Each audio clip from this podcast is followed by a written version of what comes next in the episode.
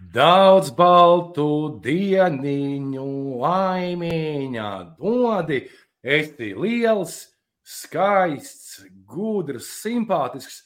Īsāk sakot, lai tev piepildās viss, kas tev nav. Paldies! Šito īziņu tu man šodien atsūtīji, un tu biji pirmais, nu, ja neskaita ģimenē, ko es apsveikumu izlasīju. Šis bija smieklīgi, šis bija labi. Uh, labvakar, paldies visiem sveicējiem, Jānim, kas tur Pēteri. Visus nevajag, kā jau var likt. Lielas paldies. Es tādu sajūtu, ka es speciāli strīmu šodien taisu, lai paklausītos apsveikumus. Vai tā nav? Nē, tā nav. Uh, ne, nevilksim garumā. Tas ne tāpēc, ka es kaut kur uh, baigi, baigi gribu ātri aiziet projām. Es domāju, ka šodien ievilksies, ir par ko runāt. Forša sezona bija. Ar mums kopā būs cilvēks, kurš uh, droši vien redzēja uh, visvairāk spēļu. Varbūt Edmunds tur var konkurēt kaut kur. Es toču nevaru konkurēt, un uh, uzreiz gribu pateikt, ka es varu nebūt objektīvs. Nevis tāpēc, ka kādu fanoju par kaut ko, bet uh, neesmu redzējis visu. Bet uh, vienalga domāju, ka kaut ko esmu redzējis, kaut ko varu arī pateikt. Arkādijs, Arkādijs Bīrjuks, uzreiz gribu pabrīdināt, ka tas ir Arkādijs, tas nav nekas cits. Ar tādu smuku kuplu bārdu. Arkādijs Čau sen neredzēts, bet drīzumā mēs tevi redzēsim biežāk. Es ceru, nezinu, vai to var stāstīt vai nē. Arkādijs drīkst pastāstīt. Jā, droši vien pēdējā reize šim fonam. Bet vispār jāsveiciens dzimšanas dienā Žiga parasti iepriekšējos gados prasīja no izlases, lai apsveic ar kādu foršu rezultātu. Un šoreiz cita komanda to izdarīja. Cita komanda to izdarīja. Jā, Kristiāna, pastāsti par Arkādiju, vai drīkst stāstīt mūsu joku? Īsāk sakot, situācija sekojoša. Ja? Uh, es, kad dzīvoju šeit, Baronielā, tā kā man skats pavērās uz tagadējo bērnu laukumiņu. Ja? Un es domāju, cik forši būtu, ka, ka tur būs tas stadions. Ja? Diemžēl futbola mājas Baronielā tās neuzbūvēja. Bet tomēr futbola mājas Baronielā būs. Jo ēkā, kurā šobrīd mitinos es un Žigājevs, ievākties arī Arkādijas birjuks. un uh, katram sava kāpņu telpa ir, Jā. ir tāds, tāda vietiņa, kur var nolikt galdu. Uh, un, vai pat garāžā, Kristiāna, un filmēt futbola mājas podkāstus. Tā kā mums jau ir ideja, mums ir ideja, vai kādam šo ideju pārdot. Ar kādu mašīnu no garāžas ir dzīvotā? man, ir, man, man ir ideja, ka varētu uztaisīt streamu, kur katrs pamaina lokāciju streamu laikā un visās trijās vietās. Ļoti labi. Ar kādiem pirmais, pirmais jautājums man. Uh, Mēs šodien laikam kaut kādas atzīmes liksim komandām, varbūt par spēlētājiem vairāk parunāsim, tāpēc šis streams varētu ievilkties. Un, lai, ja ir interesanti, var runāt ilgāk. Bet atzīme virslīgai, turnīram, organizācijai un kopumā, nu saprotu jautājumu, cik tu ieliktu šai sezonai? Es ieliktu vairāk nekā pagājušajai, jo šo sezonu bija mazāk pārcelto spēļu, tikai divas Turklāt no abām varēja izvairīties. Divas? Pirmā kārta meta pret Liepāju. Meta Liepāju. Un, un Valmierai neatradās stadions augustā, jo bija viegli pētīt, tāpēc Valmiera pārcēla spēli pret Supernovu. Ar kādiem tas nav rekords? Es pieņemu, ka nav. Es pieņemu, ka bija, bija jau sezonas, kur bija tikai septiņas komandas, tāpēc tur nebija kas jāpārceļ. Jā.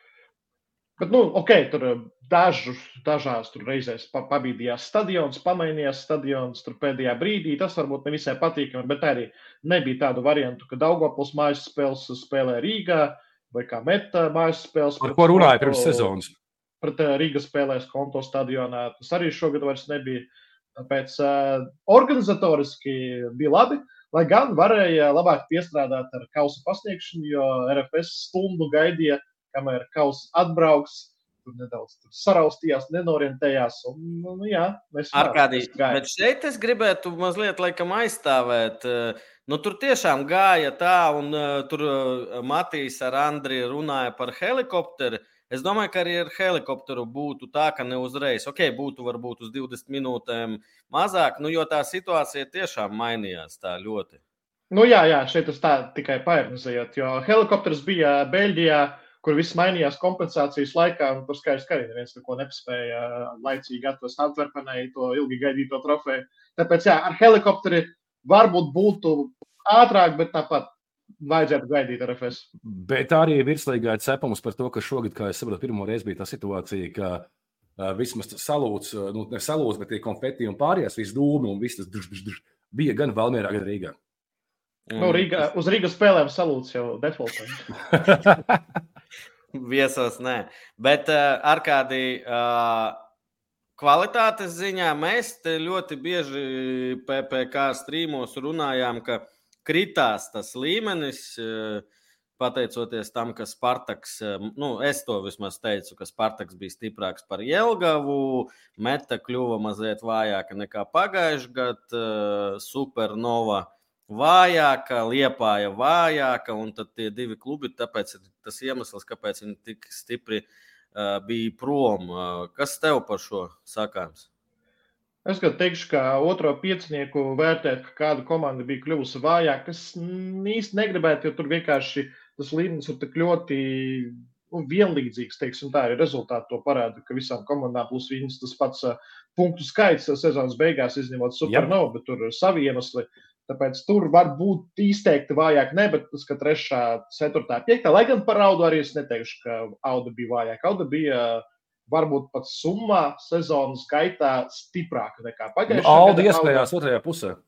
Jā, bet Liepāja un Valmiera, Valmiera ir ļoti objektīvi iemesli. Sastāvs ar prom čempionu sastāvs gandrīz pilnā 11. kamēr Liepājai tur, tur daudz iemeslu kopā, kurus grūti izskaidrot. Un, uh, pat uh, statistikā var ielikt, bet uh, tas nav analizējums process īstenībā, liepais sniegums un vājāk vai spēcīgāk. Es domāju, ka tur arī paši liepājā nevar saprast uh, līdz galam, vai bija labāka sezona, vai ir uh, solis uz priekšu, vai uz vietas, vai atpakaļ. Tur uh, par liepāju vēl runāsim, bet skatoties to pēdējo preses konferenci, uh, Es daudz PPC čatā par liepāju runāju, un tagad atkal tas skanēs, e, ka es tur kaut kādu nodiršu, bet tiešām tādu tamazu kā pēdējās presenēs. Tīri cilvēcīgi es neesmu redzējis. Viņš tāds liekas apjucis, jo pārsvarā viņš bija tāds e, ļoti uzspēlēti, bravūrīgs. Daudz, daudzas e, reizes cilvēki pat iesmēja par to, ka viņš tur runā pārspīlēt. momenti. Un, puf. Jā, bet eh, šobrīd Tamas ir tāds, eh, man, man liekas, ka viņš pats nesaprot, kas notiek. Tas ir mans, ot, šoreiz saku, subjektīvs viedoklis no malas. Pazīstu mazliet Tamazu personīgi un arī nu, futbolam sekoju. Es zinu, kāds ir Tamas, un tā, tagad viņš tāds uh, apjutis izskatās, man liekas. Tāpēc tas liek domāt, ka viņi tur paši līdz galam nesaprot, kas notiek slīkst kaut kādā mērā, jo mēģina pieķerties pie kaut kā. Nevar saprast, pie kā viņš mēģina pieķerties savā. Plus, vēl nākamā sezonā tomēr būs divas komandas liepājā. Tas nebūs Jā. tāds. Mēs esam vienīgi un esam labāki, jo mums nav ko salīdzināt. Līdz ar to būs jāšācē vairāk. Tā ir pozitīvākā ziņa šobrīd Lietpājai, Lietpājas līdzjūtējiem, ka nākamā gada var izvēlēties uz ko nākt, ko skatīties, ko atbalstīt, kur meklēt. Der, uz kuras ir derbijas beidzot? Atkal. Un, un tīri objektīvi, man liekas, ka Liepāja nav uh, tur tādā stāvoklī, ka viņam ir kaut kas uh, dots vairāk vai vairāk par viņiem būs tur uh, cilvēki. Kaut kā šobrīd tāda sajūta ir. Nu jā, nu, tā, tik tālu tiks tas uh, ziemas process. Negribās vispār vēl novembrī ziemas procesos iedzināties, lai gan uh, Droši vien, ka vienas komandas sakarā šovakar jau vajadzēs to darīt, bet globāli droši vien, ka Kristiāna vēl tiksim. Varbūt šis Jā. ir laiks tev. Man liekas, šis ir laiks man īsāk sakot, tā es biju aizbraucis uz, arī neuzminēju. Žiga teica, brauc uz LNK, tu, ko tu brauksi uz Valmieru viens pats. Nē, es iekāpu mašīnā, paņēmu mūsu veco GoPro un aizbraucu uz Valmieru. Jā, Diemžēl kausa neredzēja, bet kas pozitīvais eh, Valmērā bija ļoti daudz cilvēku. Tā skaitā arī LFF prezidents. Bet nu ko? Ņemiet, ņemiet par labu, montēju vakar naktī pats pirmo reizi mūžā. Es gribēju pateikt, ka tas tā ir debija, Kristiāna debija eh, kā montētājam, tāpēc astoņas minūtes, ja kāds negrib skatīties, droši var ieliet alu. Jā. Bet es skatīšos, jo es arī neesmu šo redzējis. Astoņas minūtes mini vlogs par uh, Valmiera Rīgas spēli no Kristiāna Kārta. No manas skatu punkta. Maucam.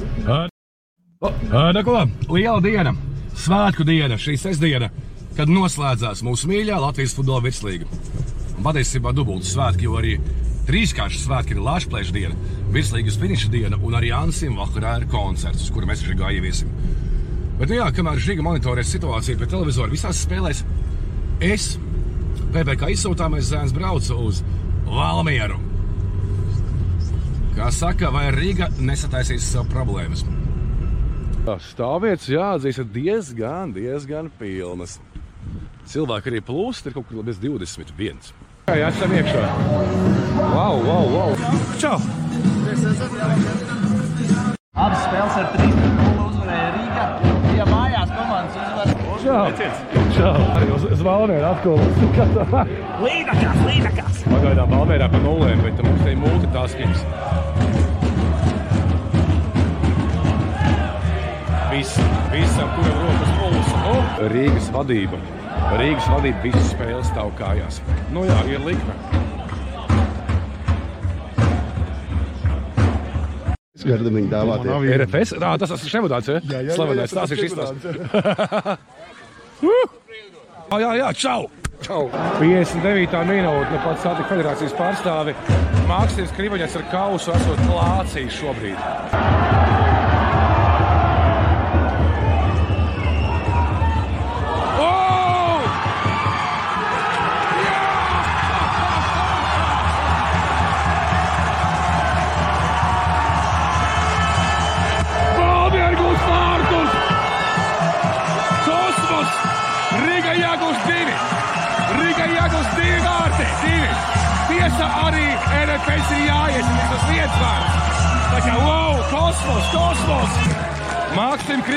Krīvuņieks, vai tu met apkārt ripā?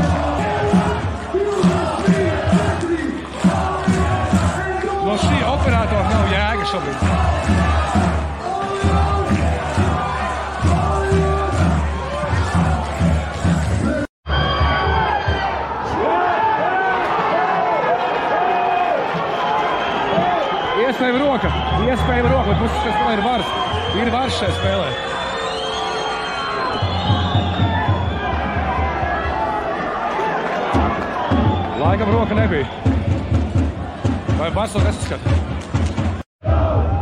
Es ar citu man pastāstīju, ka virslīgas sagatavojas nopietni šogad.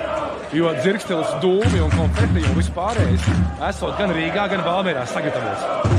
Tikai kaus, tikai kaus ceļo. 75. minūte Valmēra trāpa vārdu stāv. Nē, Aivi, Aivim vispār labi, viņam neko nevajag, viss ir kārtībā, vai ne? Man, nē, kā nevajag, vajag uzvaru. Gribās uzvarēt, sezonu jānoslēdz acīs. Čau, čau. Tie plāči. Nu, Mākslinieks ir noparkojies, vairs neskrien uz Valmieru. Tie plāči noparkojies. Jā, rekords. Tas ir Maksims, viņš gaida. Šos, šosēs malā aplošās. Huh! Es mīlu Latvijas futbolu. Oi, jopaļ! 85. minūtē RFS, RFS gūst vārtus. Tas nozīmē, ka ja Rīgai jāgūst divi vārti. Divi vārti septiņās minūtēs. Pretējā gadījumā čempions RFS.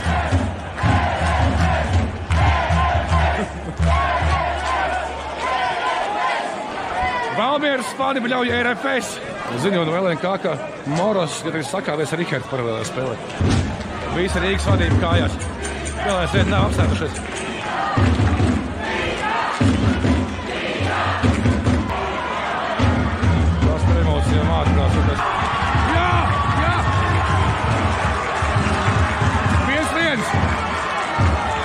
Viens viens!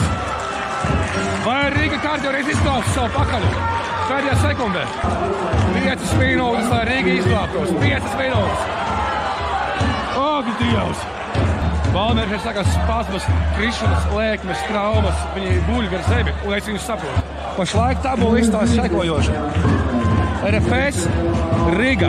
Riga jāgūst vēl viena vārti.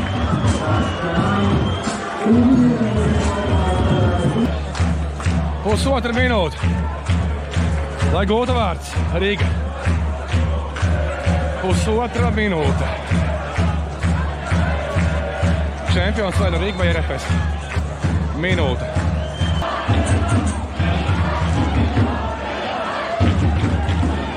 40 sekundes. Pareizi, pareizi, vēl viss nav beidzies. Vēl viss nav beidzies, ja Meita gūst vārtus, vēl panāk izlīdzinājumu.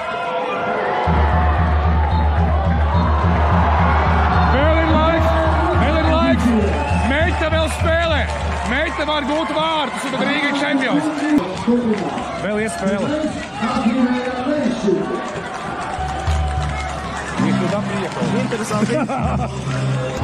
Rīga FC komanda vēl gaida. Viņi vēl gaida, kā noslēgsies spēle. Ja meita gūs vārtus, tad čempions sanāks laikam Rīga.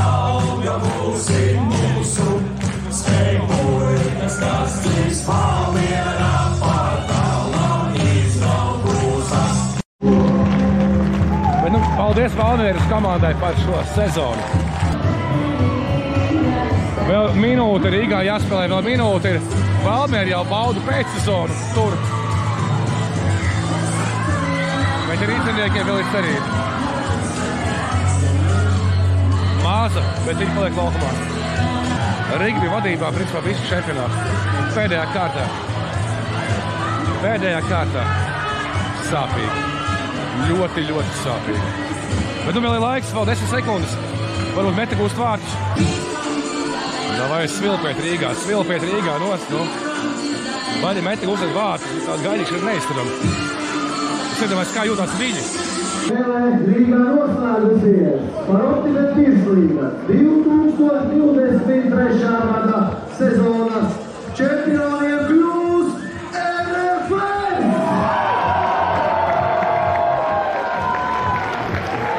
Fails. Tāds fails.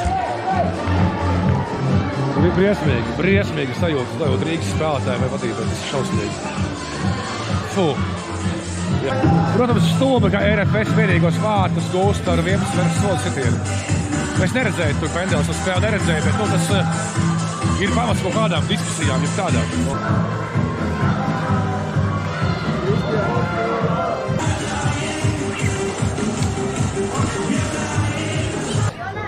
Nu ko, nu? Nākamgad, ja? Ребенок, где Ой. можно майку у Йоича украсть? Jo, viņš tam grib maiku krast, jā. Episks, episks beigas. Девочка, да? Arī es studiju laikā esmu pāris reizes bijis Maskavas kaut kāds. Es ienīstu bērnus vienkārši, kad es tur biju iekšā. Bija karsti, un viņi tev baksta visu laiku, ko prasta. jā.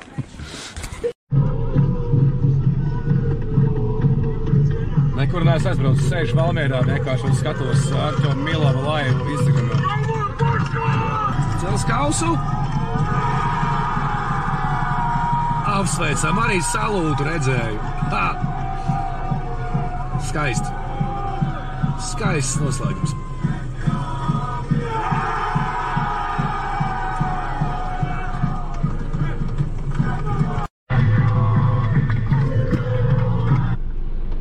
Live ended. Nu ko, paldies! Kristiāna, nu fantastiski. Man pat tāda nostalģija. Es eh, gribētu būt tavā vietā, bet es biju slings. Teiksim tā, tajā, tajā visā, kas tur notika, jā, tas bija kaut kāds tāds neliels, nevis ārpus labā un ļaunā sajūta. Viss, kas notiek, tajā, tās emocijas, riņķī apkārt, tu redzi vienus cilvēkus, otrs cilvēks, redzi arī, tu redzi Rīgas cilvēkus, ja? tu redzi šos te Valmieras fanus, kuri vēl travīja Rīgu un bļauja RFS tajā brīdī. Ja? Nu, nu, tiešām, eh, nu, tas ir, man liekas, eh, būs. Klausies, šī, šī īsā vlogā uh, labākais moments, kad uh, kāds vadījumam, tu teici, vai kas viņi tudā priehal? Es teicu, jo man liekas, nirdzīgi tas, ka tajā brīdī, kad it kā viss gāja, beigās sanāca tā, kā sanāca, jo viss bija, nu, principā, nu, viss, nu, es arī biju Valmierā ar domu tādu, ka tur pasniegs kausu, ja. bet, uh, jā. Ārkārtīgi, pirms es tev uzdošu vienu jautājumu, Bauma. Tikai Bauma. Uh, Šodien dzirdēju, ka viss uh, Rīga FC štābs ir atlaists, izņemot Kristapu Blanku. Es tā saprotu, ka Sergejs Kožuns arī. Nu, visi, kas tie atlaisti, arī bija no Audas atnākuši kopā ar Stipiču, vai ne? Ar kādiem? Jā, lai gan nu, jānokaunās, es joprojām visus vārdā uzreiz ne. nevarēšu nosaukt tos serbus, ukraiņus, uh, lai gan ukraiņus bija audā beigās pelnījis. Jā, nu, tik ļoti es tur negribēju pat iedziļināties, jo Riga jau pieredzinājusi, ka nevajag tik ļoti iegaumēt ārzemju trenerus. Lai. Ne- lai gan nevajag- nevajag piesieties. Visu cieņu Stipičam viņš noturējās visu sezonu. Jā. Nebija Klausies, viegli. Nebija Tu viegli. dzirdēji arī, nu, tu vari kaut kā pakomentēt, ka tās ir baumas. Skaidrs, ka visi to gaidīja, bet vai iespējams ne tikai bauma, apīnītis. Nu, okay. Nu, tikai tas, ka, ka šodien, cik saprotu, arī bija tā sapulces tikšanās. un. Šaubos, ka tur teica, mēs padomāsim, mēs pagaidīsim. Tur, tur nedomā. Ir īpaši arī, arī pirms tam nav tā, ka Riga, Riga vadība un Stipičs bija lielos draugos. Nav tā, ka kāds bija baigas sajūsmā par to, kā komanda nostartēja Eiropausos. Jā, trešā kārta ir, bet uh, knapi, knapi izdzīvoja Islandē. Knapi, knapi izrāvā skaisti, emocionāli, bet tomēr ļoti sarežģīti pret uh, Ungāru klubu, kas uh, otro reizi vēsturē spēlēja Eiropausos un pret Twente 0,5 summā.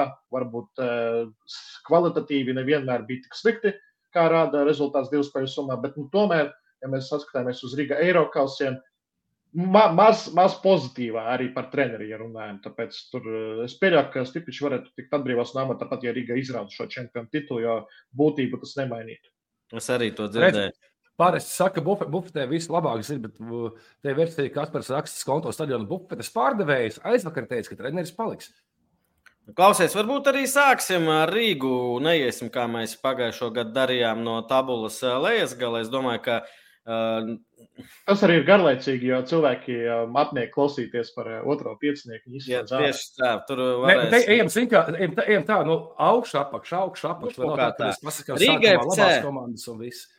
Manas pārdomas. Pirmkārt, eh, pirmā lieta, ko Arkādijs pieminēja, visu sezonu nostrādā treneris. Tas ir, es teikšu, retums, bet varbūt ir kāds bijis. Es vismaz uzreiz uz uh, sitiena nevaru atcerēties. 2015. gadā, kad Kramba Dienāmo bija tur, Koņos nostrādāja visu Nu, tas tas neskaidrs. vienīgais gadījums, vienīgais gadījums. Kopumā es tur arī uh, RFS prezidents iesmēja par uh, Edmundu Tukuma spēlē, ka viņš eh, noraka. Es biju, es arī saku godīgi podkāstā, kā viņš saucās, sporta centrā ārpus kadra. Ja? Ārpus, ārpus kadra tas bija vēl, man liekas, eh, septembris. Es arī pateicu, ka Rīga FC, jo tiešām, manuprāt, eh, tajā brīdī, vasarā, jā, tur bija dažas problēmas, bet ļoti pārliecinoši gāja Rīga FC. Bija tur 3-4 punkti, laikam, eh, no RFS. Un es neticēju tajā brīdī, bet pēdējais aplis kaut kas viņiem tur sabruka. Vai nu spiediens, vai nu vēl kaut kas. uh, Un tad uh, man bija sajūta jau pēdējā aplī, ka varētu RFS arī izraut to uh, titulu. Nu, tieši par pēdējo apli runājot, arī ja? nu, pēdējā aplī ir trīs neizšķirta viens zaudējums Rīgai. Tas ir daudz. Tas ir daudz pēdējā aplī. jā pareizi. Mačs pret Jelgavu jau ir pēdējā apļa ievads. lai gan Ar trim izlašu pauzēm var sajaukt, kur sākas sapnis, kur beidzas. Bet jā, par pēdējo aplī nu, arī to es biju piefiksējis, bet nebiju uzsvērs. Piemēram, tur komentēt kādu Rīga maču, bet uh, Agris Suvējs tas šodien arī ārpus kāda raidījumā, kas vēl nav iznācis. Bet, uh, viņš ļoti precīzi to pasvītroja ar vienkāršu statistiku. Dublisam Aurēliju pēdējā aplī nulle vārti, nulle rezultātus piespēles.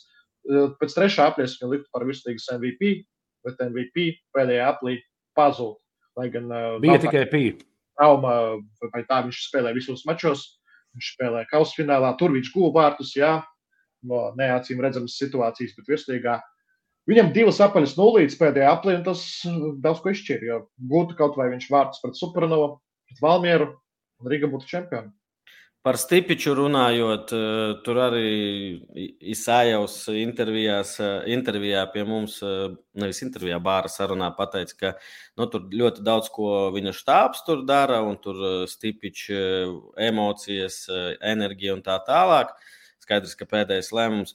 Bet, ja mēs runājam par trenera kļūdām, man vienīgā tāda, kura nu, man tiešām liekas nesaprotama. Tā bija spēle pret Supernovu. Trīs vai četras dienas pēc kausa, kad treneris izliek to pašu 11. Nu, man liekas, pieredzējis treneris, kurš ir eh, uzvarējis kaut ko, vai ir kāds arī nepieredzējis, bet ir spēlējis. manuprāt, saprot, ka varbūt fiziski viņi arī bija gatavi pēc 120 minūtēm. Fiziski es pat par emoci emocijām vairāk runāju. Tā ir uzvara, tā ir emocionāla uzvara pendelēs. Un es nesaku, ka viņi tur ballējās, bet emocijas ļoti daudz zūd. Un es domāju, ka tieši spēlē pret Supernovu viņiem pietrūka to emociju, un tur arī pazuda tas čempionu tituls. Man par kļūdām runājot, Stipičs, Arkādī, tu kaut ko atceries tādu, kas tev likās, ka nu, nesaprotami no trenera? Nē, nu, ja raugāmies uh, sezonas gaitā, sastāvā izvēles un preferences, tās varētu vērtēt. Jo sezonas vidusdaļā Hroja Babets, dārgākais līgas spēlētājs, vienkārši pazuda no pamatsastāvā aprites. Mums jāspēlē, kas ir centra aizsargs. Jā, mums jāspēlē visur. Bosančiņš, nē, Babets, nē, Talā, vai Gunģī drīzāk tajā malā, vai vienalga kas, bet nē, kad Jurkovskis satraumējās, tāpat Musā izdomāja, ka viņš tagad būs malējais aizsargs. Nu, Redziet, metas skola. Musā bija visur, Musā bija vienmēr. To bija grūti saprast, jo nu, man nebija pārliecības par to malu, kad Musā bija pamatsastāvā. Nevienmēr bija pārliecība par vidu. Jā, viņam ir parametri, viņam ir jauda spēks, nu, domāšana, tas ir tas, kas pieviļ un brīžiem iekrita uz to Rīga. Nevienmēr tas beidzās virsīgi ar ielaistiem vārtiem. Eiropausos bija drusku skarbāk, bet tieši šīs preferences nu, arī var pie Stipiča mīnusiem un Stipiča faniem tā iemest sejā, jo Stipiča jau ar savām runām daudz fanus Latvijā sakrās un fanas, cik saprot, arī. Nē, nu kā, nu, bet viņš izlasīs trenēs, kā būs izlasē vai nebūs Latvijas? Tad tur Dainis taču. Nē, nu, zini, kā visi, kad Stipiču vajag, nu, Vajag apvienot, vajag apvienot, jo es tā aizdomājos, arī ne gluži es pats, es tā domāju, nonācu, bet kāds no kolēģiem, kurš sporta žurnālists sacīja, ka viņš nezina, kā Dainis runā, kādā manierē, kā viņš izsakās, jo LFF jau savos sociālajos tīklos nekur savu treneri nepromotē. Ne uz afišām, ne programmiņās, ne Instagramā, ne storijos, ne rīlos, vienalga ne TikTokā. Treneris Dainis Kazakevičs nav. Tāpēc tāda plašāka publika nezina, kāds viņš ir. Bet Stipiču ne. varētu droši likt visur, jo viņš ir harizmātisks. Uh, kungi, ir rekur Aivis Vīksta raksta par kausa finālā, ko Žiga minēja. Rīga kausa finālā noskrēja vidēji 15 km. Visi treneri gribēja pret supernovu vismaz 50% rotāciju. Stipičs bija vienīgais, kurš bija pret to. Nu, rezultāts arī bija. Interesants insights, ka visi treneri gribēja. Uh, par Rīgu. Visi, davai... visi adek adekvāti cilvēki droši vien gribētu, lai būtu rotācija. Īsumā, uh, īsi pievilksim, vēl aiziesim par Rīgu 100 punktu kaut kādā brīdī atzīmes. Man, es sākšu, man grūti izlikt atzīmi, jo skaidrs, ka atzīme nav apmierinoša uh, Rīga FC vadībai un uh, tām iespējām. Kopumā man no Rīgas FC sezonas paliek normāli. Es nevaru teikt, ka tur baigi patika. Man visu laiku atbilstoši ka... savām beigas. Jā, ar, ar tādām iespējām pat tajās spēlēs pret RFS visos derbijos. Ja tu ņem kopā visas tās piecas spēles, man paliek sajūta, ka RFS bija pārāka. Neizdevās uzvarēt. Bija dažas spēles, kad pirmā, jā, pirmā bija, kad noraidījums, kad Rīga desmit spēlēja. Viņi izskatījās ok, bet kopumā Nu, cik tu liktu? Es nezinu, nu, pieci, laikam pieci, seši. Nu, man kaut kā, jā, man negribās likt zem atzīmi, jo Riga jau nemocījās laukumā. Tā nebija tā. Nu, jā, viņas, viņas spēlēja, smuki spēlēja arī. Nu, skatā, jā, ka, kas tur mocījās ar uh, iepriekšējiem treneriem, iepriekšējās divās sezonās, vasarā virslīgā sajūsmu vērot, kā, piemēram, Liepāja izvazāja. Jā, tur tas rezultāts 3-1, bet tā kā Riga veidoja uzbrukumus, cik burti bija vieglums visās darbībās. Arī sezonas pirmajā pusē uz mākslīgās ritmu laukumiem bija vērot šo komandu. Un ne jau vienkārši no zila gaisa tam spērtī pateica vēl aprīlī vai maijā, ka Riga septembrī nodrošinās savu čempionu titulu. Tā komanda patiešām spēlēja iespaidīgi, to komandu bija bauda vērot, bija ļoti daudz pozitīvu emociju futbola estētiem, gīkiem, bet arī neitrāliem skatītājiem. Daudz smuku golu, peņa, uzreiz atmiņā viņa gols Rīgas derbijā. Raksturs arī izrautie punkti, izrautie neizšķirti. Bet uh, fenomenāli, kā ar visu to Rīga nekļūst par čempionu. Tas ir uzreiz uh, liela komplimenta RFS vienlaicīgi. Es ieliktu septiņi, es ieliktu septiņi, kur es noņemtu divas balvas par Eiropausiem un viena balva par uh, čempionātu. Uh, Es laikam teiktu, tā, ka Rīga atgādināja man tādu mani autoskolā, piemēram, ja, kad es braucu ļoti, ļoti labi, braucu, man saka, visi ej uz eksāmenu, visi super baigi labi, un eksāmenā es izgāšos vienkārši. Tā Man vienkārši jā, bez kļūdām jānobrauc, ja, tas pēdējais aplis, kā saka. Un, uh, es laikam te, teiktu, nu, nu, es, es tikai tāpēc, seša pusi, nevis septiņi, piemēram, ja, tāpēc, ka šis skolnieks uh, bija spējīgāks nekā beigās ir tā, tā vieta tabulā. Rezultāts. Jā. Vēl zinu, ko es tagad ar kādu atceros. eh, Atcerējos. Es nezinu, vai Kristians atcerās, ar kādu iztoču atcerās. Pirms pirmā derbija, droši vien, ka pirms pirmā pēc kaut kādas spēles preses konferencē jautāja Stipičam par RFS. Un viņš tur tajā brīdī likās, ka tā ir tāda gudra spēle, viltīga. Viņš ļoti lieli RFS, ka viņi ir pieredzējuši, ka viņi ilgi spēlē kopā. Es tā vēl domāju, kas, nu, kas no tā var iznākt. Jo tas ir signāls savai komandai, vai viņš savai komandai pavisam citu. Nu, to nevar zināt. Un uh, man es uh, sliecos domāt, ka tā ir tāda viltība, viltīga spēle. Bet, kad tu noskaties, ja tu noskaties visus derbijus, tur arī nebija, ka Rīga spēlē ar pārākuma sajūtu, kā favorīts. Nevienā spēlē viņi nedominēja, uh, brīžiem pat sēdās ļoti dziļi. Un uh, beigās sanāk, ka to stipiņš runāja tiešām no visas sirds, un vai tā arī nebija problēma, ka nebija pārliecības pašam trenerim? Reku Raivis jautāja vēl tādu lietu, kad uh, lūdzu salīdzināt Rīgas XG pagājušajā gadā un šogad. Es nezinu, cik tā ir patiesa data. Es iegāju virslīgas mājaslapā. Ja pagājušajā XG bija 71 pa sezonu un 1,8 vidēji spēlē, eh, tad šo sezonu, piemēram, šis cipars, nezinu, kāda metodoloģija, šis cipars ir 106 un 2,7 vidēji spēlē. Nu, Proti, realizācija šogad bija vājāka. Tā, tā droši vien ir eh, pamat, eh, pamat teksts, ko Raivis grib pateikt. Jā, bija spēles, kur daudz nesasprāta Rīgā. Arī viens, viens pret Supernovu, man liekas, pirmajā puslaikā tur vismaz divus eh, vai divi ar pus akumulēja, kā šo jēdzienu mēdz eh, definēt un kā saka parasti par XG. Nezinu, vai latviešu tas būtu tik forši un patīkami. Bet par bērnu, par to, ko tu teici, viņš pateica to brīdī, kad Riga jau bija vadībā. Tā bija kaut kāda no kārtām pirmajā aplī. Un tad uh, pamatdoma bija tāda, ka mums daudz bērnu, mums daudz jaunu futbolistu, kuri nav uzvarējuši, kuri bez tituliem, kamēr RFS ir lielāka pieredze. Un tiešām es gatavojos pēdējai spēlei, izgāju cauri, cik daudz titulu ir RFS spēlētājiem. Un visi vai nu ar Riga vai no RFS gandrīz visi bija izcīnījuši titulus. Divi izņēmumi bija Mārcis Sošs un Jānis Ikānieks, kuri pirmo reizi karjerā kļuva par Latvijas mm. čempionu. Janka Ā. pirmo reizi. Wow. Jā, viņš Jā. Aizbrauca no Liepājas gadu pirms uh, titula. Tās sezonas. Uh, Nē, Reks, ap citu, jā, pagā, pagājušā sezonā, starp citu, Rīga guva 68 vārdus. Un šodien 90, vai 89. Nu, šogad. Vai virslīga kļūst vājāka, vai Rīgas dominants bija lielāka nekā pagājušajā gadā? Nu, Riga bija labāka.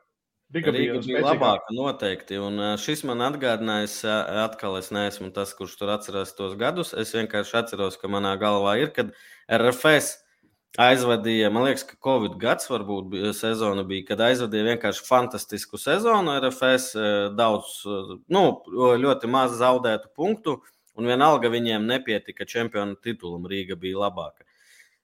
Un šogad kaut kas līdzīgs droši vien, arī Rīga var teikt. Nu, tā tas ir. Jā, kaut kāds dežavu ir, lai gan Covid sezonā bija daudz nianšu ar pārceltām spēlēm, ar uh, saslimšanām, ar uh, arī to, ka čempionāts bija īsāks par vienu apli. Iespējams, tur būtu nolauzuši RFS vai tieši pretēji Riga būtu izteiktāks pārsvars beigās. Bet, nu jā, uh, kaut kāds dežavu bija. Es pieļauju par diskusijām.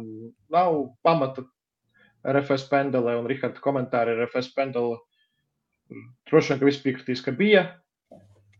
Tur Ne tiek visi runāts- PPC čatā uzskata, ka tur nebija. Manuprāt, arī diskusijas nav parāvā aiz uh, rokas vai aiz- krekla. Aiz krēkla, aiz krēkla.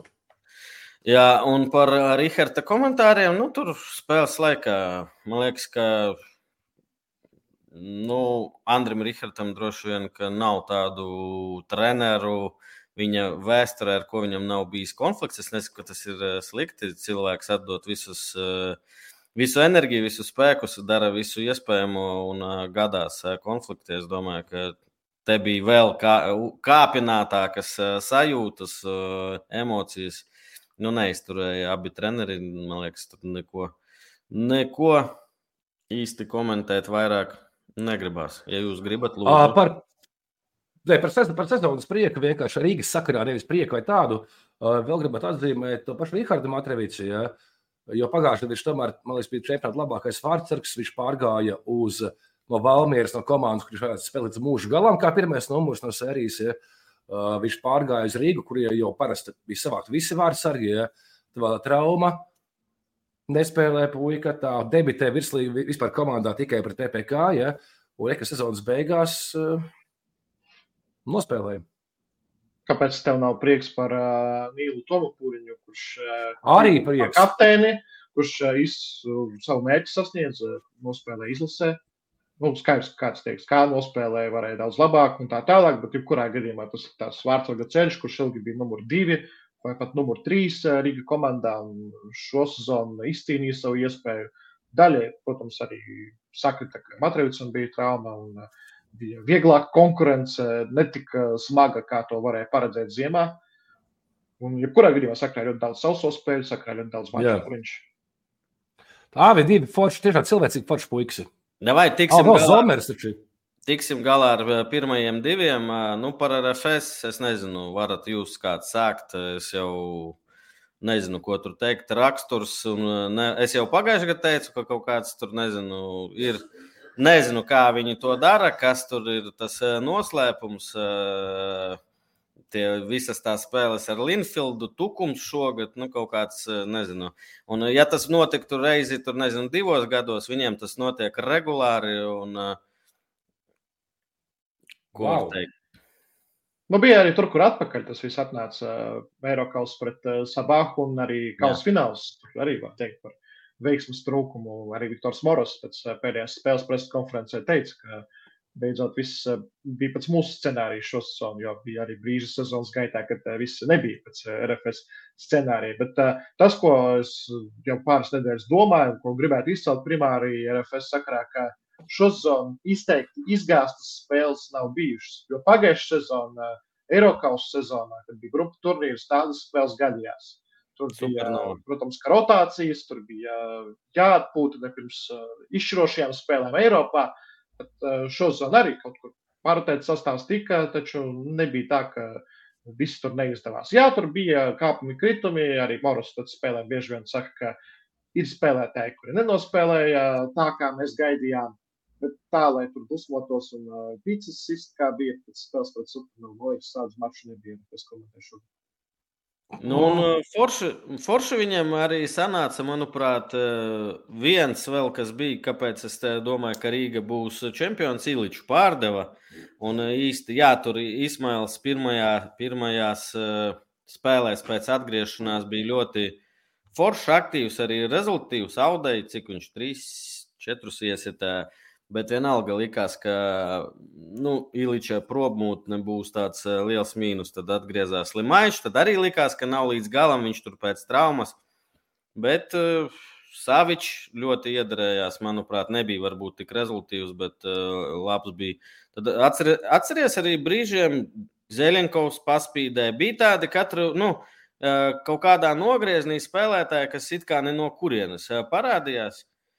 Un... Jā, es eh, vienu brīdi arī piefiksēju, ka RFS sastāvā jau sezonas vidū, nu, drusku pāri jau eh, ekvatoram bija desmit spēlētāji vai vienpadsmit, kuri kādā spēlē bija guvuši vismaz divus vārdus. Un tas šķiet neticami, tu sāc skaitīt, uzskaitīt tos spēlētājus RFS sastāvā, kuri var būt vismaz divus vārtus spēlēt. Nešķiet, ka tik daudz. Jā. Tad ej, ej, ej, ej cauri protokoliem, saprotās, Zelenkovs pret Liepāju gūt divus vārtus, tur vēl kāds atzīmēs. Marš tur, man liekas, diviem vārtiem. Jā, Marš pret Daugopili 5-0 uzvarā, kāpēc man atņēts palika, jo, jo es braucu uz Daugopili, jā. Par RFS tas stāsts, ka nu, visu laiku man nu, tas ir sēž, ka ar Morozes Viņiem ir tā sistēma, kā viņi spēlē. Jā, viņi tās neko nemaina. Viņi spēlē tā, kā viņi spēlē. Nu, it kā tāds ir tas, tas stereotips par RFS, kas sēž manā galvā. Ja. Tāpat laikā no RFS šogad ir guvuši vairāk nekā Rīga un ielaiduši mazāk. Nu, 96 vārdu šo sezonu ir RFS. Ielaist tikai 17. Bet, draugi, atcerieties, kāds bija pirmais sapnis RFS? Nu, pirmās Mm, divas kārtas bija uz uzvarām. Pirmā, pirmajā spēlē 0-0 ar Valmieru, otrajā 1-1 ar Rīgu. Okay. Trešajā kārtā 0-2 uzvar Jālgava, ok. Ceturtajā 0-2 uzvar Liepāju, ok. Tad 0-0 pret Audu. Tad 1-0 izmosīt uzvaru par Tukumu. Ok, tad izdarās Daugopili un tikai 2-1 uzvar Supernovu. Un kārtu noslēgt ar neizšķirt 0-0 pret Metu. Nu, Nu, Cik, uh, klausies, es tagad uzreiz tu sāki stāstīt. Es atceros pēc sajūtām, ka, ka es uh, teicu tev vai kādam, ka, ja nebūtu sniegs, eh, tad RFS tur sadragātu to Valmieru. Man liekas, tur ar visu sniegu bija tāds pārsvars. Ar Rīgu viņa spēlēja vairākumā un nespēja uzvarēt, un pat bija tuvu zaudējumam. Nu, jā, te va- varbūt to, ko Arkādijs teica iepriekš. Un kad šīs neveiksmes bija, es, man, man patīk runāt par to, ka pasaulē viss ir līdzsvarā. Kaut kur tu kaut ko saņem, kaut kur tu, un tad tavs uzdevums ir saņemt vairāk nekā no tevis atņems. Un tad es visu laiku teicu, tas ir tas, ir tas uh, iet atpakaļ pagājušā sezona Eiropasos, nu, kur izlīda tur. tur paveicās baigi. un Jā, un beigās, laikam, skaties, pirmajā pusē viņiem atkal ņēma nost, beigās kaut kādā veidā, bet arī kauss garām. Nu, interesanti, interesanti. Ādams Markījevs. Jūsu komentāri, man liekas, nu, topčiks RFS.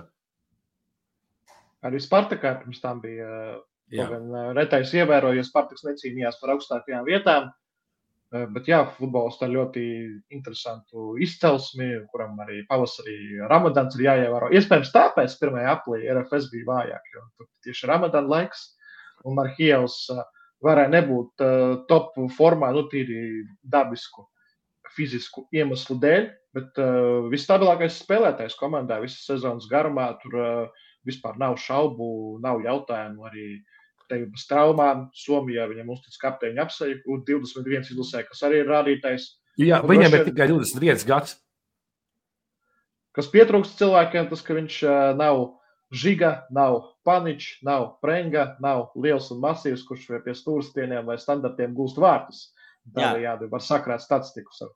Šis bija arguments, kad, eh, man liekas, kausa finālā mēs sēdējām blakus ar Agrisu Vēsdu. Un, uh, ok, te Kristians laikam speciāli pateica, jo arī čatā šo jautājumu mēs jau uh, pacēlām. Manuprāt, uh, Marhijovs ir visas virslīgas labākais spēlētājs. Uh, Nav viņam golu, bet uh, tie, kas saprot futbolu, kas skatās mazliet dziļāk, manuprāt, ja nebūtu Marhīva, šogad eh, tad, eh, nu, ļoti grūti būtu RFS. Un eh, es teicu, ka, ka Marhīvs var būt tas nākamais, ko varētu ļoti labi pārdot. Un tad Agris Suveisda, viņš teica pat ne par statistiku, par fiziskajiem dotumiem, par antrop- antropometriskajiem dotumiem. Nu, nav viņš liels, bet, manuprāt, nu, vispār top spēlētājs, darba apjoms, spēles sapratne. Viņa attieksme pret uh, katru momentu. Es vienkārši, es tiešām esmu Marhīva fans. Un, ja viņi nekļūtu par čempioniem, tad uh, būtu grūti izvēlēties. Bet to, ko teica Arkādijas, nebija piefiksējis. Agris, eh, kā vienmēr, Suveisda Krasavčiks. Douglas bija tur nu, ilgu laiku man favorīts. Arī pagājušajā gadā ļoti patika. Un- tu teici, viņš ir MVP, tā kā labākais spēlētājs virslīgā. Jā, Nu, viņš jā, tikai jā. pusgadu nospēlēja, tas viņam patraucēja kļūt par MVP. Nu, un arī super brīnišķīgā Valmiera. Jā, Tas ir super otrais faktors.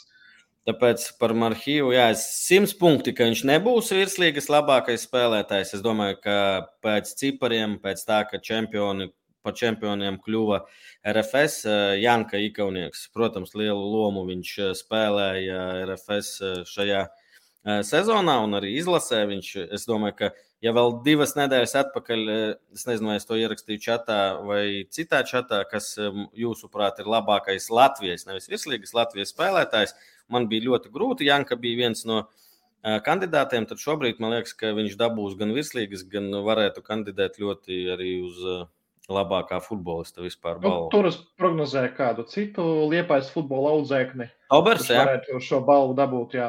Nu, Ārzemju karjerā būs uh, stabils sniegums izlasē, kāpēc viņa apsēs. Tur ļoti daudz argumentu, lai Tobers kļūtu. Un es teikšu, ka viņš arī ir pelnījis no manām. Jā, varētu būt. Un, tā kā, jā, par Marhīvu. Bet Jānis Ikaunieks arī viņš iespēlēja sezonas gaitā, atrast komentārus sezonas sākumā. Nu, nu, ka viņš tur tā, tur tā, kaut ko tur, kaut kā tur, un kad iespējams aizgāja un baigais priekš pa Janku.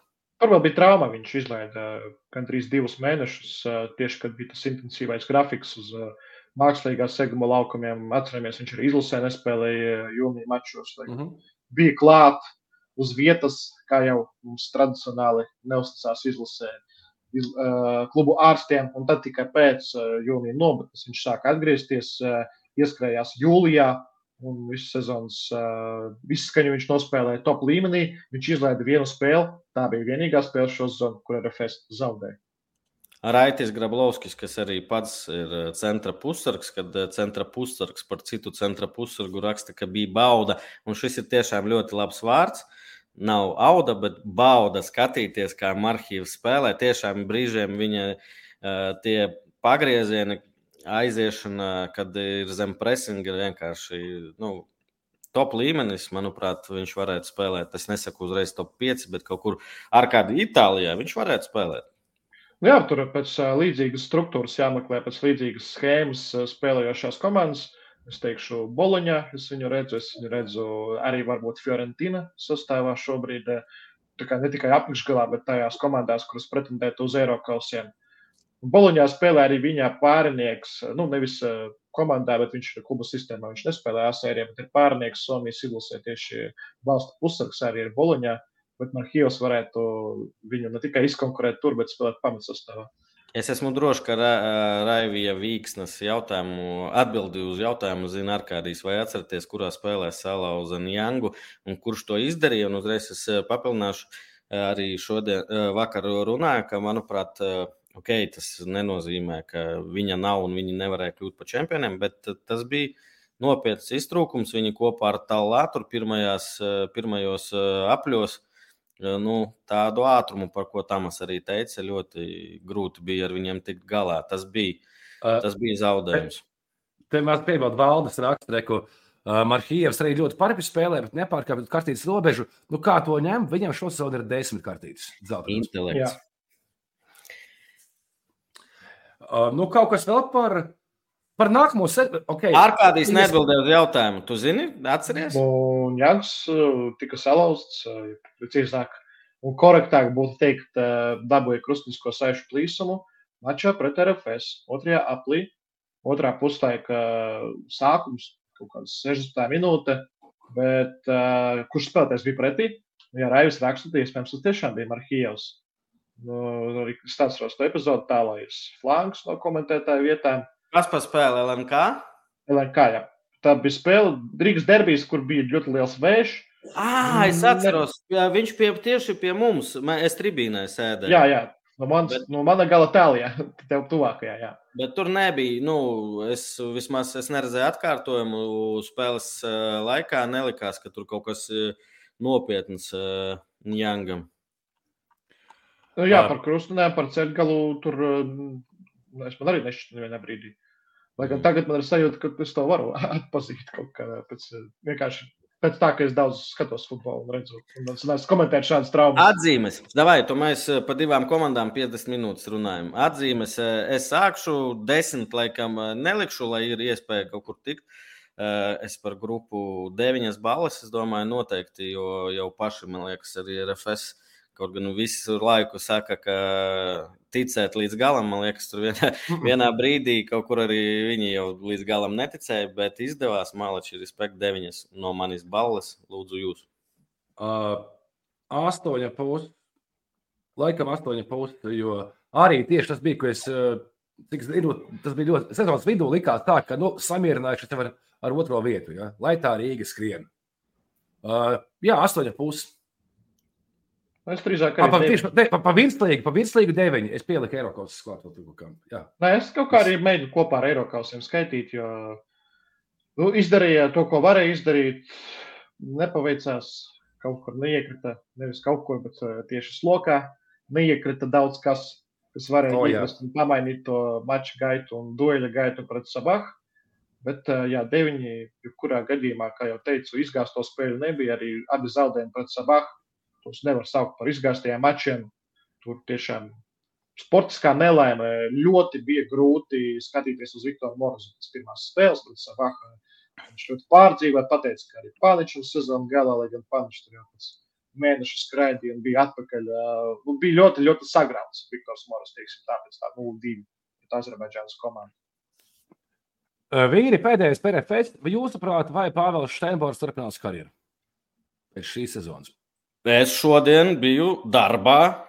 Un speciāli tur uh, apkopējām, prasīju, nu, pirmo reizi dzird, uh, pirmo reizi dzird par ko tādu, un uh, tas, ka čatā bija iemests, tas nozīmē, ka nevienmēr mūsu čatā vi- viss ir taisnība. Es nezinu, varbūt nezinu apkopējis, bet man ir informācija, ka it kā nē. Nu, man arī pēc, okay. labi, personīgi nepazīstot, bet tīri redzot, kā, Emocijas. Kādas emocijas pat esot uz soliņa lielāko daļu no sezonas ir Steinboram. Es sajūtu, ka viņš vēl grib būt futbolā, viņš grib kaifot, viņš grib spēlēt, viņš grib izjust to match day experience. Kā saka, ir, man kaut kā nav šaubu, ka viņš turpinās. Tad jau. Beks varbūt paliks metā vēl sezonu. Es domāju, ka neriskēs. Tev vajadzīgi tomēr divi, trīs vārdsargi kā minimums. Vai Pēdējais. Vai skanstē, vai skanstē. Nu, Vai skanstē. Rīga, Rīga ir FS pēdējais video par to, lai varētu padiskutēt. Vai jūsu krēsls atkal ir briesmā? Ne, t- ne tas video.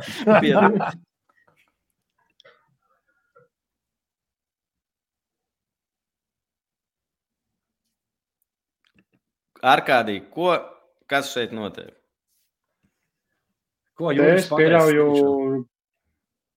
iespējams, es spekulēju. Mēģināju prasīt kaut kā. Tā, nē. Man, man arī konkrēti atbild neteica, jo Valmierā arī bija bankets uzreiz pēc tās spēles. Tur eh, viņi arī kārtīgi nosvinēja sezonas izskaņu, nu, izņemot Maksimu Toņšu, Danielu Balodu, protams, kuriem izlase.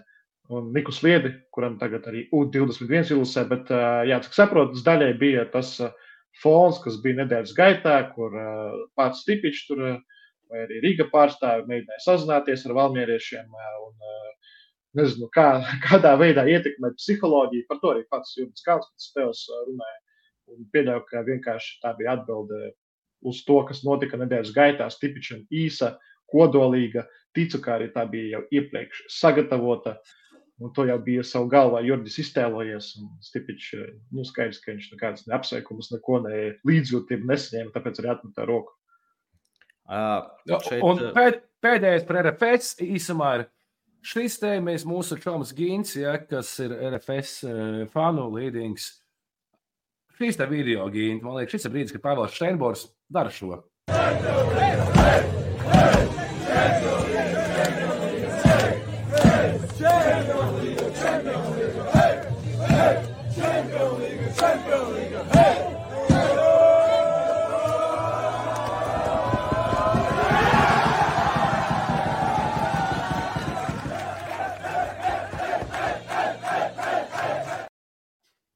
es Jā, pieļauju, nu, Gīns arī dabūja kausu paturēt.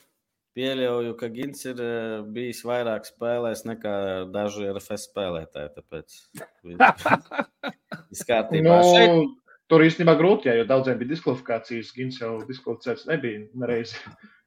Bet gadās. Nav taisnība, Edmunds raksta. Jurgis teica Stipičam, ka viņam vēl ir cerība uz metu pret RFS.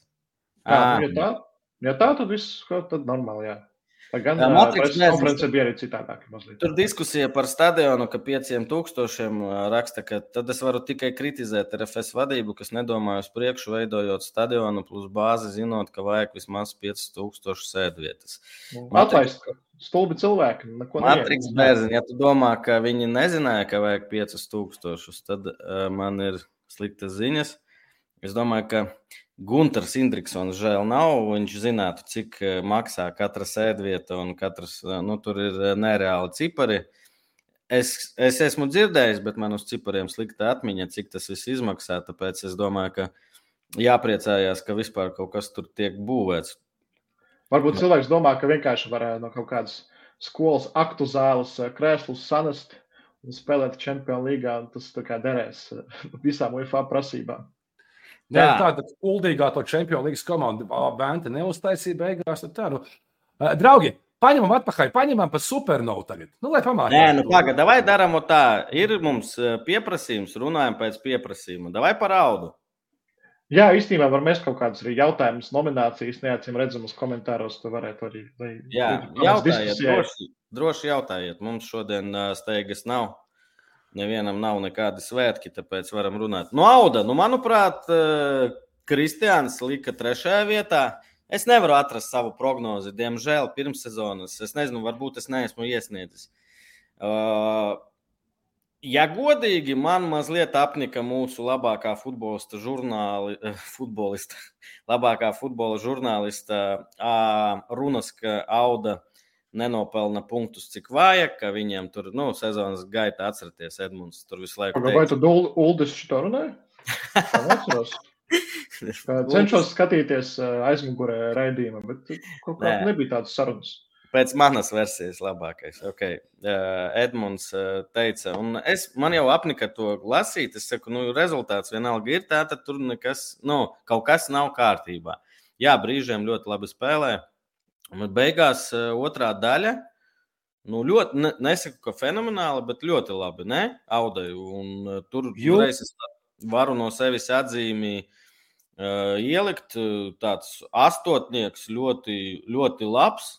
Būtu deviņi, ja Valmiera un Liepāja būtu mazliet labākā stāvoklī ar visu to, ka Valmiera tur cīnījās. Nu, nevar salīdzināt pagājušā gada uh, Valmieru. Tāpēc trešā vieta, pirmo reizi vēsturē, pagājušā gada kausa. Es ļoti simpatizēju, neesmu runājis, bet kā uzvedās, kā runā Simo Valakārī. Enerģiska komanda, astotnieks no manis, un cerība nekas tur īsti nemainīsies. Protams, eh, spēlētāji atkal tur būs rotācija, bet eh, lai paliek galvenais treneris ar visu savu nomināciju lielākā sāpe, kas tur bija?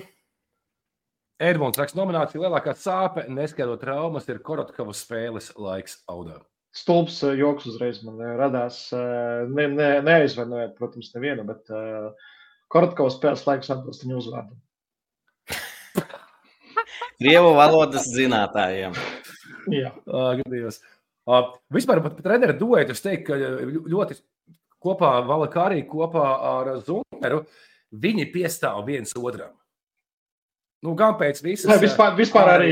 Zunters, Zunters vēl kā arī piestāv Audai un Jurim Gorkšam un Gorkšam Nu, nu, ģimenei. Paši kas, ķīmija kas tāda.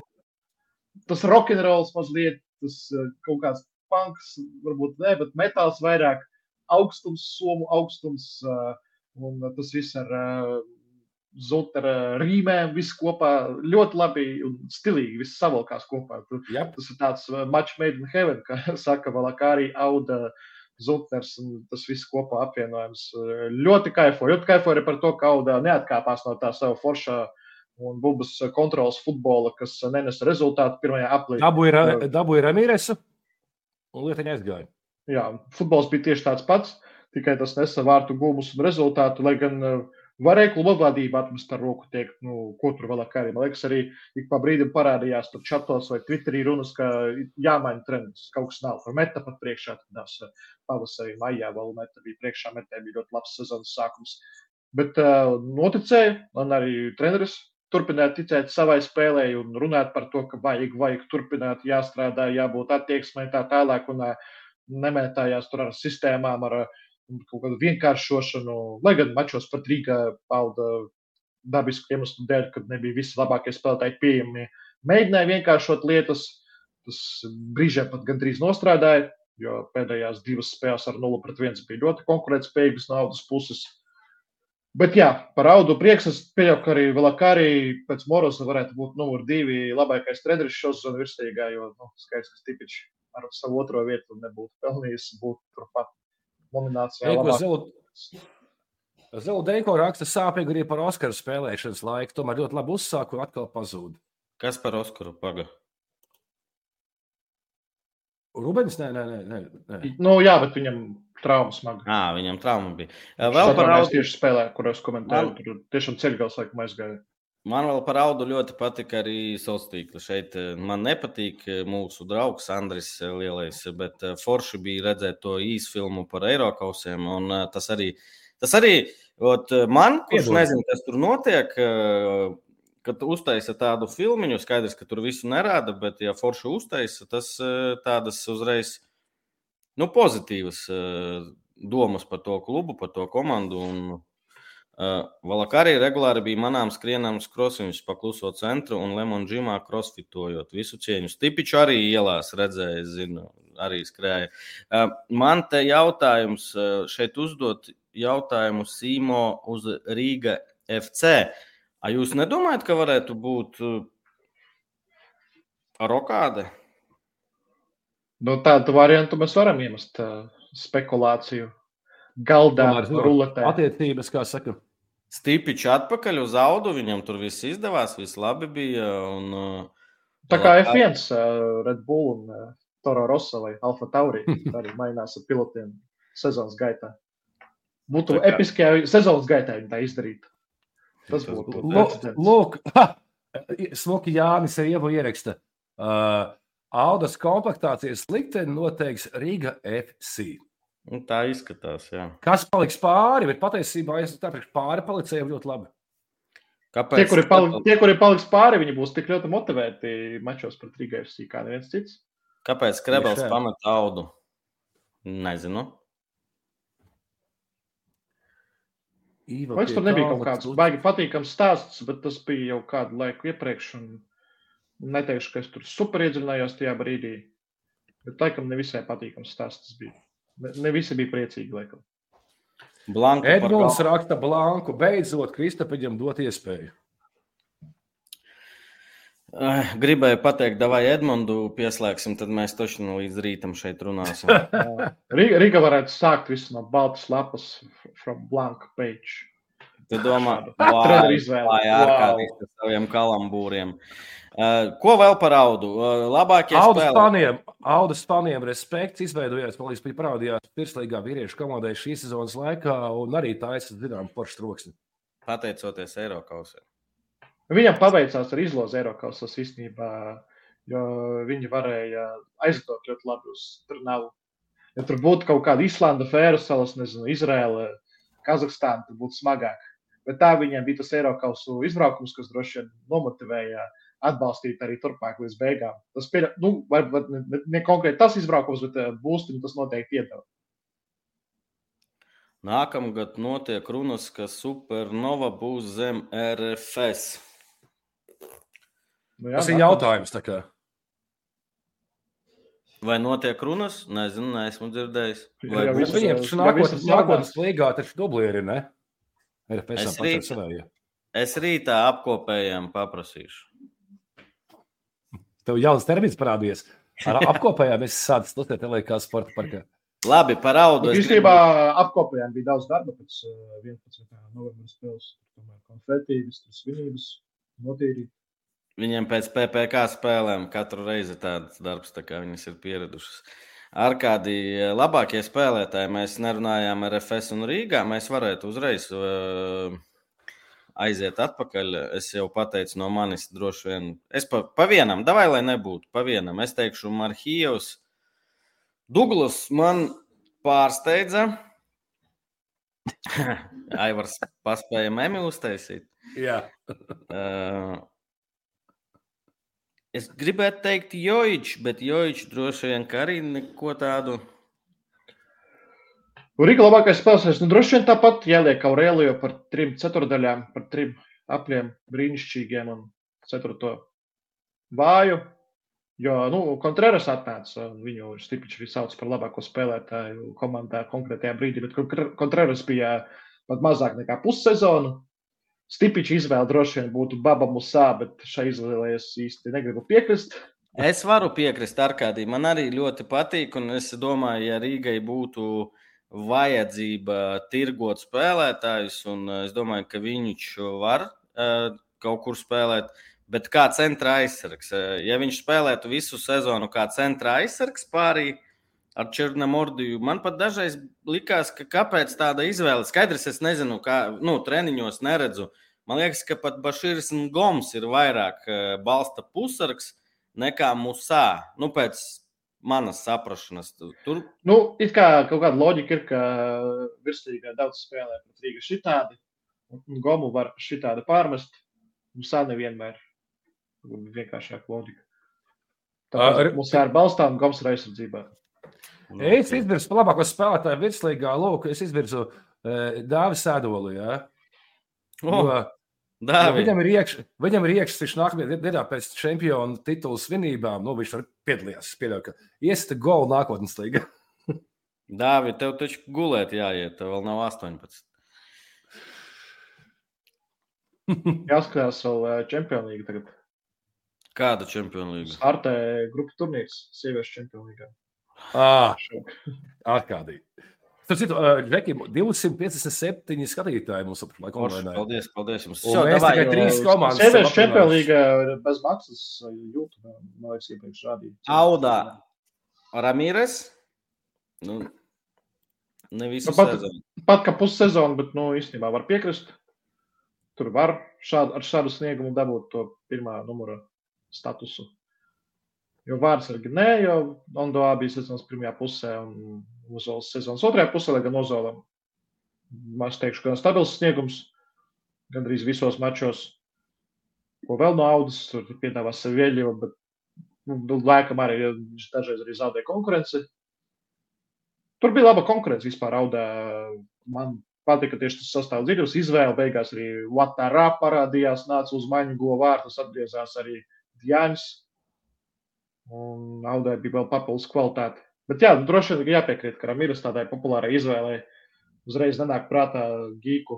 Edmunds, Edmunds un Arkādija futbola bumbas nointervējiet, lūdzu. Ne tagad, tagad skaidrs, eh, labāk nelīst klāt Stipiču. Un, eh, eh, es domāju, ka viņš piekritīs pēc kāda laika. Un šis jautājums, ko Zeludenko, Zeludenko, Zeludenko eh, Te viņš raksta, ka Musā centrā vidū bremzēja spēle Rīgai, varētu piekrist, tur varētu strīdēties. Bet kas notika ar Babecu? Jo vi, viņ, viņam taču nebija traumas, viņš bija rezervē, viņš gāja uz maiņu tur, vai ne? Jā, jā, man patika, ka gandrīz pie katra sociālā tīkla ierakstā bija kāds babets vai nu radinieks vai nu draugs, kurš rakstīja, ka Stipičs ir eh, nekāds treneris, ka līderi tur rezervē, uzticās veciem Joičam, kurš jau tur eh, smiltis birst no viņa. Tā rakstīja kāds ba- babets radinieks, laikam. Nu, skaidrs. Ah, Labi, vai tad tagad no apakšas uh, supernova? Supernova lielākā, mans lielākais spēles, man liekas, jo es liku vairāk uz vienu pirms sezonas. Man liekas, Tomēr mēs arī pieredzēju, pieredzēju ka Rakels, Laizāns, Višņakovs kaut kas tur vēl paņems klāt. eh, Bet, nu jā, Supernova. Sezonas eh, lielākais pārsteigums - Supernova. Jā, negatīvi. domā, jā? par mīnuszīmi, jā, jo skaties komplektāciju, jā, tur bija robi, tur bija centra pussargu neesamība, tur bija treneris, kurš gaidīja kaut ko ziemā un neuzreiz pieslēdzās. Vēl daži spēlētāji, kur atnāca pēdējā brīdī, bet tur šķita, ka ar briedumu Supernova var paņemt to pašu tukumu, metu, metu varbūt Uz tuku, tukumu, kas tur veidojās Jelgavu, par ko bija daudz bažu, ņemot vērā jauno treneri. Un treneri ar interesantu reputāciju, kā izrādījās tieši pirms sezonas, un arī spēlētājs, kuri gandrīz neviens nav spēlējis virsīgā. Bet jā, beigās eh, par tām komandām, pret to pašu Tukumu, pret to pašu Jelgavu, Supernova atsevišķās spēlēs bija bezcerīga. Nu jā, Rika Matriks Pērķis raksta, eh, Supernova pierādīja, ka bez leģionāriem virslīgā neko vairs nevar izdarīt. Nu, FS jūs- Jelgava, FS Jelgava nav tā, ka leģionāri šai komandai bija ļoti nocietoši. Ok, Osuagu, bet uh, pārējie nav tā, ka bija visu laiku. Un nav tā, ka bez viņiem tur bija kāds spēlētājs, kurš uh, nevarētu, piemēram, centrā spēlēt. Tur Bija Šiķikovs, Cēsnieks, un ļoti labi tās pozīcijas tika sadalītas. Tāpēc uh, Jelgava kā tāds latviskais paraugs klubiem arī ļoti labs. O, Vēl no, no, no par pozitīvo, teiksim, Supernova, tā kā viņiem vairs neko nevajadzēja, un jāsaka, godīgi arī pievienojušies bija tas eh, leģionāru bariņš, ja, ko tas aģents kaut kāds tur atveda. Ja. Jo pēdējā virslīgas aplī viņiem patiesībā nebija nemaz tik slikti, ja mēs salīdzinām iepriekšējo visu. Ja. Jo pēdējās deviņās spēlēs, ja nemaldos, Supernovai bija pat uh, trīs neizšķirtu vienu uzvaru. Kas uz pārējās sezonas fona bija tāds vienkāršs sprādziens un ekscelents spēle. Nu, tur arī, ja paskatās pēdējās uh, desmit spēles, laikam, vai pat 11, tur tikai vienā supernova ielaida vairāk par diviem vārtiem. Tā bija spēle pret RFS priekšpēdējā kārtā. Jā, tagad par uh, Žigas zvanu visiem interesē. Tagad jau supernova. Jā, kas tā zvanīja? Stipiņš? Man uh, LNK sporta parka apkopēja zvanīja. Pateica, ka vajag vairāk uh, respekta. Tā kā respekta RFS LNK sporta parka apkopējiem. Uh, super, supernovai atzīme 10 no 10. Tas, laikam, atsauca uz uh, konkursu. Ja? Kādu Nē, konkursu? Tur, jau, Ah, tur, jau, tur jau 12 būtu jāliek. 12, tur tur ir 12. 12. Uh, par prieku. Miņins. Man liekas, uzspīdēja, ņemot, ņemot vērā, ka viņš spēlē supernovā. pat Jā, pietiekami- viņas bija uz, uz zaļā, uz zaļā visu sezonu, gluži kā pirms 15 gadiem. Uz zaļā. Ar kādiem smiltām humoru zaļā. Nes kā minam ietam tam bobslēstam. Ja? Viņš jau kaut kādu izlasi svešu bija trenējis. Diemžēl es oh, jā? zinu šādus faktus. Diemžēl es zinu tādus faktus. Uh, nu, jo Mīņķis, piemēram, Mīņķis savāca šo, šo sezonu, sanāk tā, desmit vārti, divas piespēles, tas pēc oficiālas virslīgas lapas. Kā, ja? Trīs, neviena spēle, nu, malacis, ņemot vērā, cik viņam ir gadi, 21, ja nemaldos. Nu, viņš ir mūsu James Fords Pros, jo viņš tiešos brīvstījās liek iekšā visu laiku. O, Isa, paldies! Pults! Zini zin manu veco iesauku. Paldies, Isa. Apsveicu ar bronzu. Nu, kas Jā. tā par supernovu? Vispār, ja ja tagad sāku domāt, Isaias vai gadījumā nav futbolists, kurim ir visvairāk bronzu, jo viņš ar Liepāju savāca 2021. gadā. Hokeja izlasē viņš bija. Jā. Es nezinu, es nezinu. Ā, Nē, nu viņš savāca ar RFS noteikti, jo RFS bija vienu sezonu trešajā vietā. Tagad ir Audu. Vispār viņam ar bronzas vismaz ar trim komandām. Skonto gadījumā arī Ar nebija. Čempions viņš bija. Īsa, cik tev bronzas? Nu, ko mēs te domājam? Uzrakstīju. Tu, tu esi šatā tā kā tu ieraksti, cik, cik daudz bronzas. Arī Ermons raksta, ka Mīņķis sezonas laikā piestrādāja arī par krāvēju vai tam līdzīgi. Jā, viņam bija Nu, papildus darbs. ā, To, man liekas, arī kāds bija Bet teicis. Tas ir normāli, viņš supernovā spēlēja. Pagā, viņš tagad taču uz RFS, un ko viņš Jā. ar vienalga darbosies? Nu, ir pēc tam Varbūt par LNK sporta par kapkopēju viņš strādās. Tas sākās. Eh, Labi, kas mums devītajā vietā pagāja? Ah, meta. Uh, Nē, bet vēl par supernotu labs bija fakts, ko Matrīs ierakstīja, ka jā, pēdējā laikā ne- neticami, bet fakts, ka eh, klubs nebeigs pastāvēt pat tad, ja izskatīs no virslīgas. Tas, laikam, sen nebija fakts virslīgas un nākotnes līgas sakarā. Nu, jā, jo Supernova nāk, pagājušajā gadā varēja izkrist, bet neizkrita. Un Turpināja pastāvēt. Un arī šogad ir baumas kaut kādas, tā baumot, vai ne? Varbūt 12 komandas, varbūt kaut ko, kaut kā. Pagaid, ko man te fokus rāda? Žiga, labs jautājums par zeltu. Un Kas par Tu zeltu? neatceries, Is- Isa, tu, ne, tu neatceries? Jo, par jo zelta? sk- skonto droši vien 2013. Ā, atmiņā. es taču neatceros, kas tur aiz mums palika. Zelts ir zelts. Īsa. Davai par metu parunāsim. Nu, jā, nu, jā, zelta nav. Ir bronzā ar audu, bronzā ar liepā, bronzā ar RFS. Es jautāju par bronzu, skonto- nevis par zeltu. Skonto 15, 14. Tā, 14. bija Jelgava, 15. sudrabs bija skonto. Jā, tur sudrabs, tur sudrabs. Pasaki, ka tu tagad skaties datorā, nevis Jā, atvērā. nu, ātri. Jā, Ne, bet, tā, principā, kladītē. Latvijas, Latvijas, Latvijas es varētu teikt, jā. Ā, Supernovai atzīmes liksim. Nu, trīs, trīs no desmit. Nu, NI, teiksim, tā, neieskaitīts. Jo, principā, pat, pat pirmajā aplī viņiem bija divas uzvaras, bet pēc tam otrais, trešais aplis katastrofa. Vienkārši viss slikti. Meta. Aivars teica, ka meta būs piektajā. Es gaidīju, manuprāt, arī es liku supernovu augstāk. Ko... À, es domāju, ka Jelgava izlidos. Es neatceros savas prognozes, bet es domāju, ka augstāk meta būs nekā bija šogad. Es, es, es atceros, ka man, es viņus liku septītajā vietā. Ja? Un pat argumentācija man pirms sezonas bija tāda, ka retais gads, kad citas virslīgas komandas nav veikušas metas sastāvu tīrīšanu. Beigas, Udrichs, Melnis, Puzrēvskis, Vāpne un citi kodoli izdevies saglabāt par gadu nobriedušāki. Kā tādi, ja tagad finišēt ārpus pārspēļu zonas, lūdzu, paldies, Meta, paldies! Meta nākamgad toču piekties, krīnojiet. Nākotnes līgā? Uz šogad uh, U18 meta bija 5. vietā. Dēpils vinnēja, jā. Viss pēc plāna, bet uh, jā, pirms sezonas izskatījās uh, tā, ka arī sezona sākās. Meta jau arī bija 5. un 6. vietā ilgāku laiku. Labi, labi. Meta sāka. Pirmais sapnis metai bija brīnišķīgs. Divi, trīs. Savā spēlē metā uzvarēja vienmēr. Savā spēlē pret to uh, apakšējā piecinieku metā uzvarēja. Un nebija vai tad trīs niči uh, pret RFS? Divi, divi niči. Divi niči, četras uzvaras, man liekas. Pagājušajā. Nu, jā, nu, No pirmajā aplī vēl bija niķis pret Liepāju, bet tas niķis tika izcīnīts jau vasarā pārceltajā spēlē.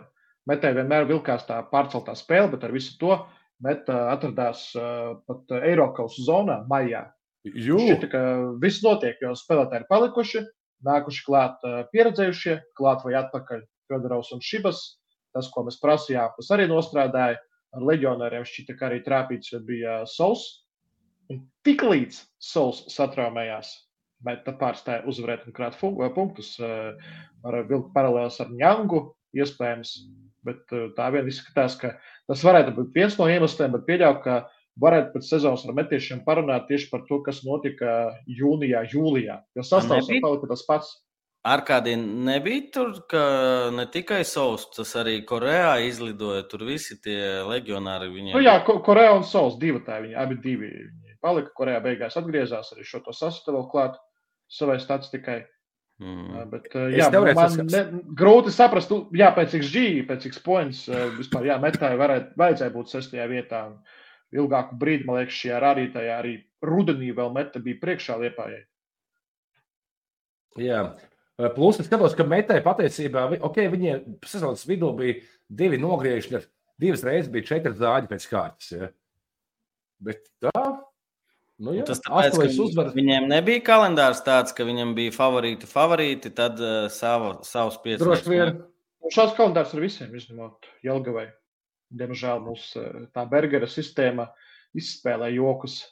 Gribētos, lai tas kalendārs būtu smalkāks un radošāks, bet nu, jā, tagad visiem ir jāiet. Un arī nākamā sezona būs. Mēs jau zinām, vispirms ar FS, pēc tam Rīgā, pēc tam Auda, pēc tam Valmiera un tad ar Liepāju nobeigs.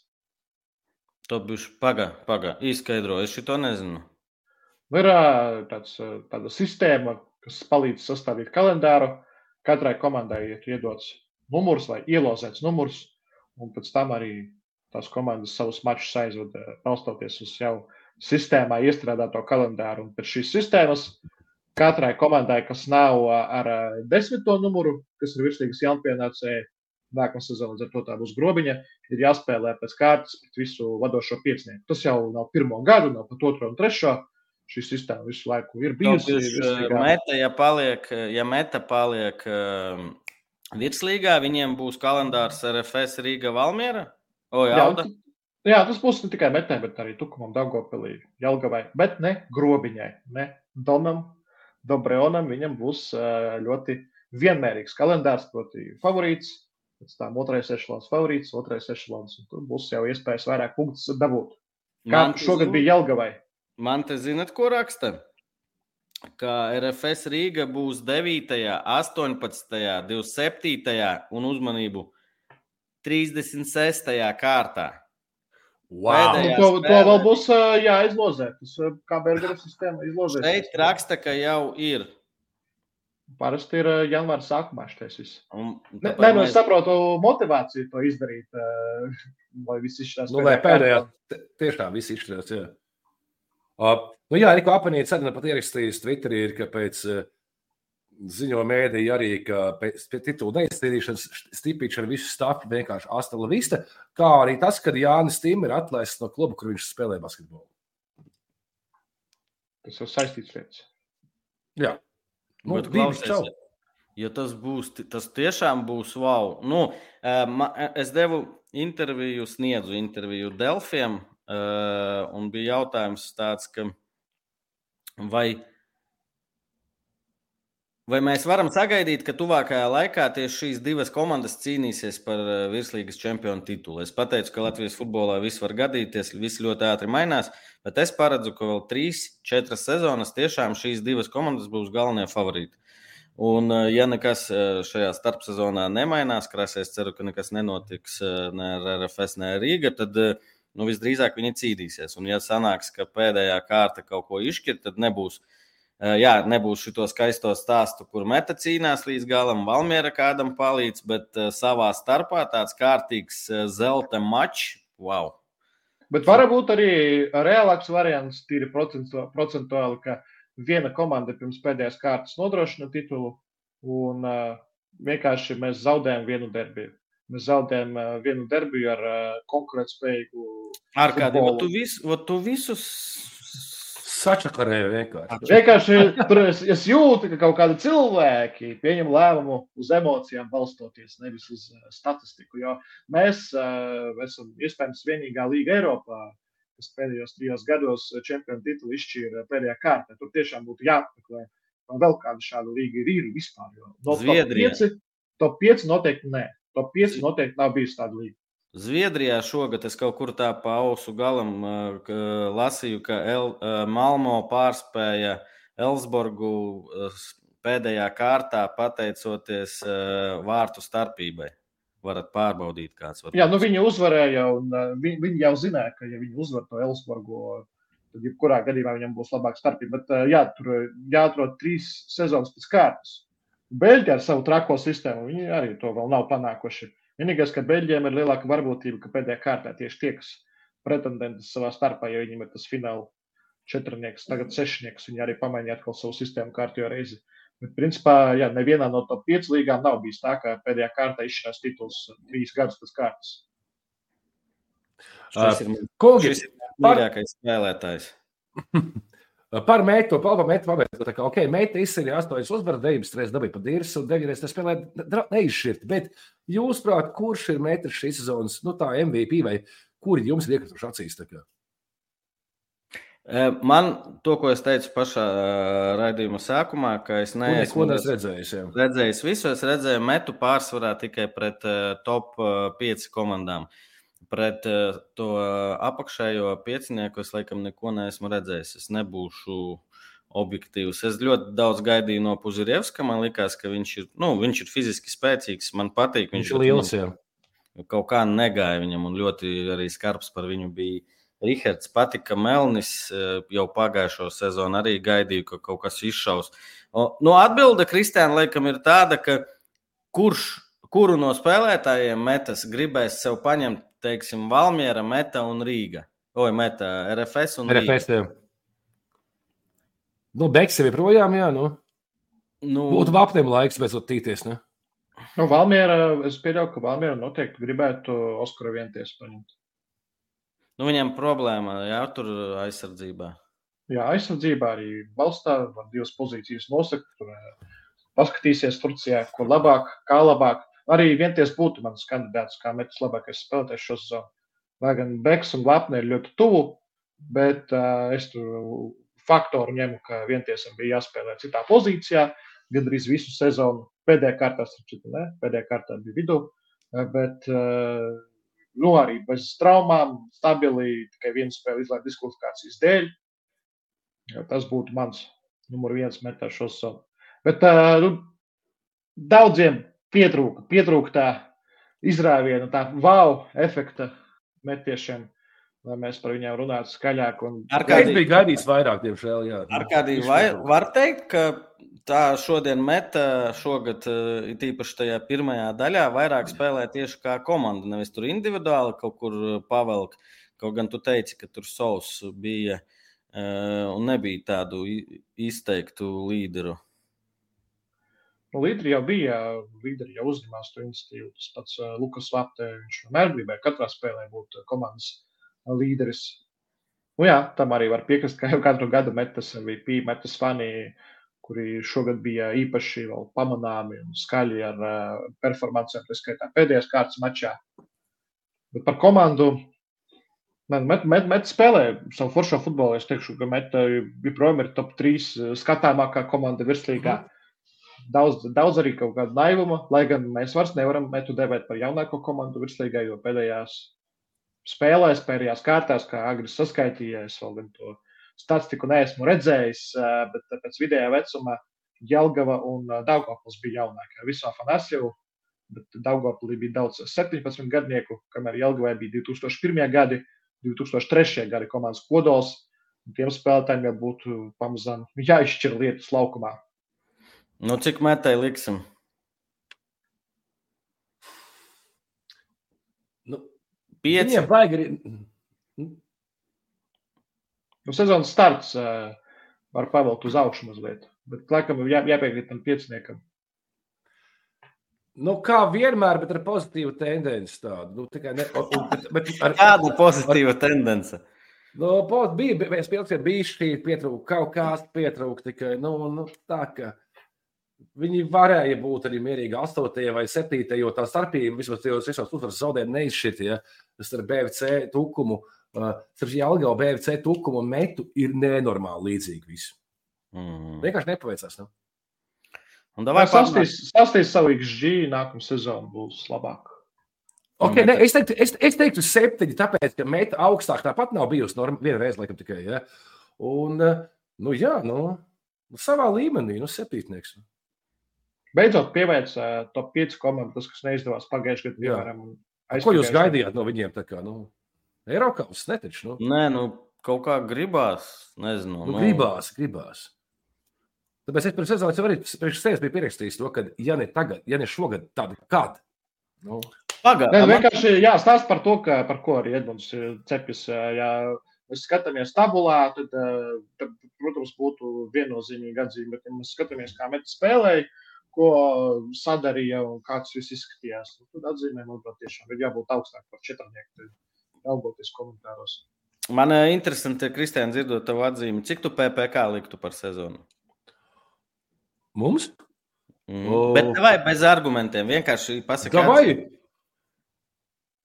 Es teiktu, deviņi vai astoņi. Astoņi pusi. Labi, šeit mums sakrīt astoņi. Jā. Uh, ejam tālāk. Ko mēs ņemsim?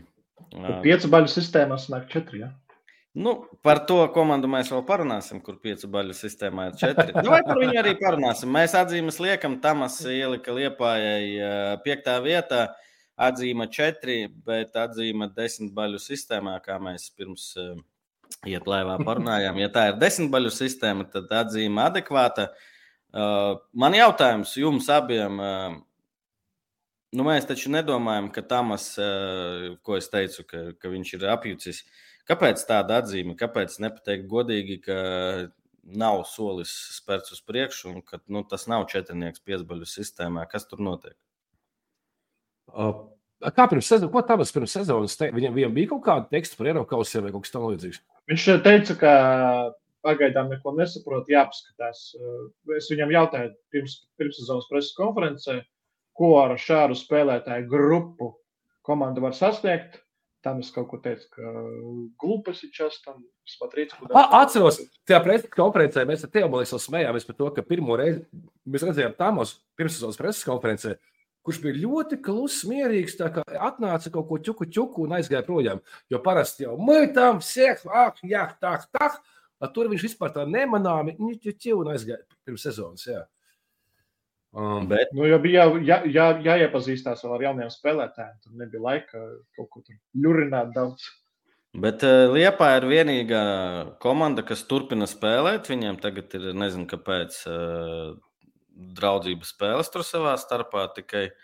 Smiltene, il- Smiltene ilūkst, skanste un meta, un liepāja šobrīd paliek eh, tādā aktīvi, aktīvi, aktīvajā futbolā. Ja? Aktīvajā futbolā. Par liepā jau pateicu pirms, un um, es man liet, mazliet saguru jau runāt, un uh, man ļoti žēl, kas uh, ka tur notiek. Man ir ļoti interesanti tas, kas tur uh, būs nākošais gads, zinot, ka tur būs vēl viena komanda un uh, kā tas viss tur attīstīsies. Galvenais, lai tur nebūtu atkal, kā, kā ir bijis Dāngopilī, kad ir divas komandas, kad nevar sadalīt tur kaut ko un nu, redzēs. Gaidu, ga, gaidu sezonas kalendāru, lai jau tagad varētu izbrīvot sev uh, dienu, kad Liepāja spēlēs pret grobiņu.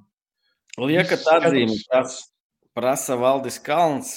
Es jau Patiesībā, četras balles, tā kā Tamas teica, vienīgā atšķirība, ka tas ir desmit baļu sistēmā, četri, manuprāt, adekvāti, ja prasat mani ar visu to, jā, tur nav lielākais budžets, bet vienalga tur ir ieguldīts eh, daudz, tur ir eh, daudz legionāru, ja nav rezultāta priekš kam, jo nu, visur, kur ir legionāru daudz, viņi visi ir augstāk par uh, liepa. uh, ok, es, es tīri iedošu, tīri valdu, valdim par prieku iedot četri pusi, teiksim, bumbas, piemēram, šim visam.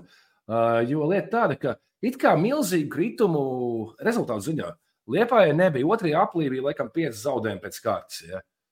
Pārējais tur tā, ka neizšķirtīgi zaudējums, uzvaram, viss notiek. Bet viņi spēlēja sūdīgi. Tā spēle kā tāda bija slikta. Pat ja viņi vinnēja vai reiz nospēlēja. Nu. Jā, Šogad šogad Liepāja pārstāvēja Minēla Torīvijā, Isāka Puns un vēl daži. Nu, Torīvijā par sevi nesen atgādināja. Mēs noteikti neesam aizmirsuši. Varbūt arī Tamas viņa nav aizmirsusi, lai gan gribētu. Bet eh, es atceros, ka es, eh, man bija jākomentē pirmās kārtas spēlē, meita pret Liepāju, tā spēle, kur pārcēlās ļoti daudz laika no savas dzīves veltīja, lai iet cauri visiem Liepājas jaunpienācējiem, ko viņi Nīderlandes šāšteku CP līgās, tā skaitā, kā saka Māris Spēlēns, bija sasnieguši, kā viņiem tur ir klājies, ar ko viņi ir spēlējuši, vajadzēja rakties, jo tie leģionāri nebija tik konkurētspējīgi, lai par viņiem visu var atrast uzreiz transfermarkt, sokari vai, vai Wikipēdijā. Tur bija jāiet dziļāk un tā spēle nenotika. Par to bija vilšanās, jo es biju tik daudz ieguldījies, lai sagatavotos. un Sezonas gaitā tā arī nenokomentēju liepais spēli pret metu. Legionāri Nu, pavisam nekādi, neviens izņemot Dodo, ne ar ko neatzīmējās. Ar kādīs... Staničs atzīmējās ar trim pozīcijām. O, daudz. Es saprotu, ka Staničs vairs nav komandā. Baumas. Pagaid, pagaid, bet Nu, nu, tas 90% droši vien. paliks. Nē, nē, jau presenē pēdējā, es speciāli skatījos uh, Tamaza Pērtijas preses konferenci. Visu sezonu mēs klausījāmies, ka jauni spēlētāji, jauni talantīgi, ka vēl ir vajadzīgs laiks, ka, ka tur nevajag salīdzināt, ka mēs uh, mācāmies, būvējam. Un uh, tad pēdējā presenē bija pateikts, ka, nu, diemžēl, jautājumu uzdeva labu, kas kas bija pēdējos gados ļoti aktuāls Lietuvai, vai, vai mainīsies atkal komandas sastāvs. Un ar nožēlu, bet eh, pateica, ka jā, jo, nu, ja cilvēks eh, negrib un nevar, tad eh, es paredzu, ka tur būs atkal 80%. Jo nu, ļoti grūti, pirmkārt, es domāju, ar tā mazu ir strādāt futbolistiem, tīpaši tur, nezinu, no ārzemēm. Tas ir viens, es pieļauju, ka daži paši negrib tur vairs palikt. Nu, Jā. es, saku, ka, es saku, ka būs vēl jauni, nezinu, 12, 15 spēlētāji. Tas, tā ir Nu, un Latvie, visu- latviešiem droši vien būs uh, grūtāk saņemties, uh, braukt uz Liepāju, jo tas nav garants, ka tu spēlēsi, nav garants, ka tevi izmantos tur, kur tu esi iecerējis. Uh, nav garants, ka tur vienu dienu viss nepamainīsies un tā tālāk. Tā joprojām, proti, ļoti maz stabilitātes arī domājot par latviešu spēlētājiem, kuri tur saprot arī tie, kuri bija pagājušajā sezonā, virknē jau komandu pametuši. Jā, aprīlis raksta, šobrīd jau desmit kā liepais spēlētāji ir prom. Žiga tik, Edmunds raksta, Žiga tikko uzlikusi koeficientu 1,01.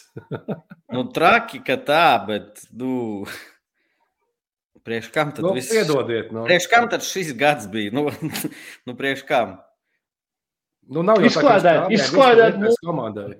Bet, nu, viņi dod tad brīnās. darīt. Nu.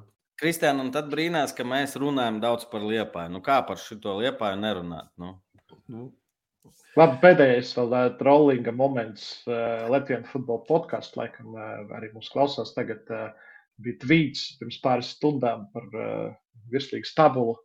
Tur bija teksts, ka Liepāja underperformed. Vispār Liepāja šo zonu overperformed. Ņemot vērā sastāvu un arī to, kā komanda spēlēja, kā Jep. veidoja momentus, cik daudz tas bija. Viss Liepāja rit, ritīgi overperformed šo sezonu. Un Ar savu piekto vietu. Cik tas skarbi neizklausītos.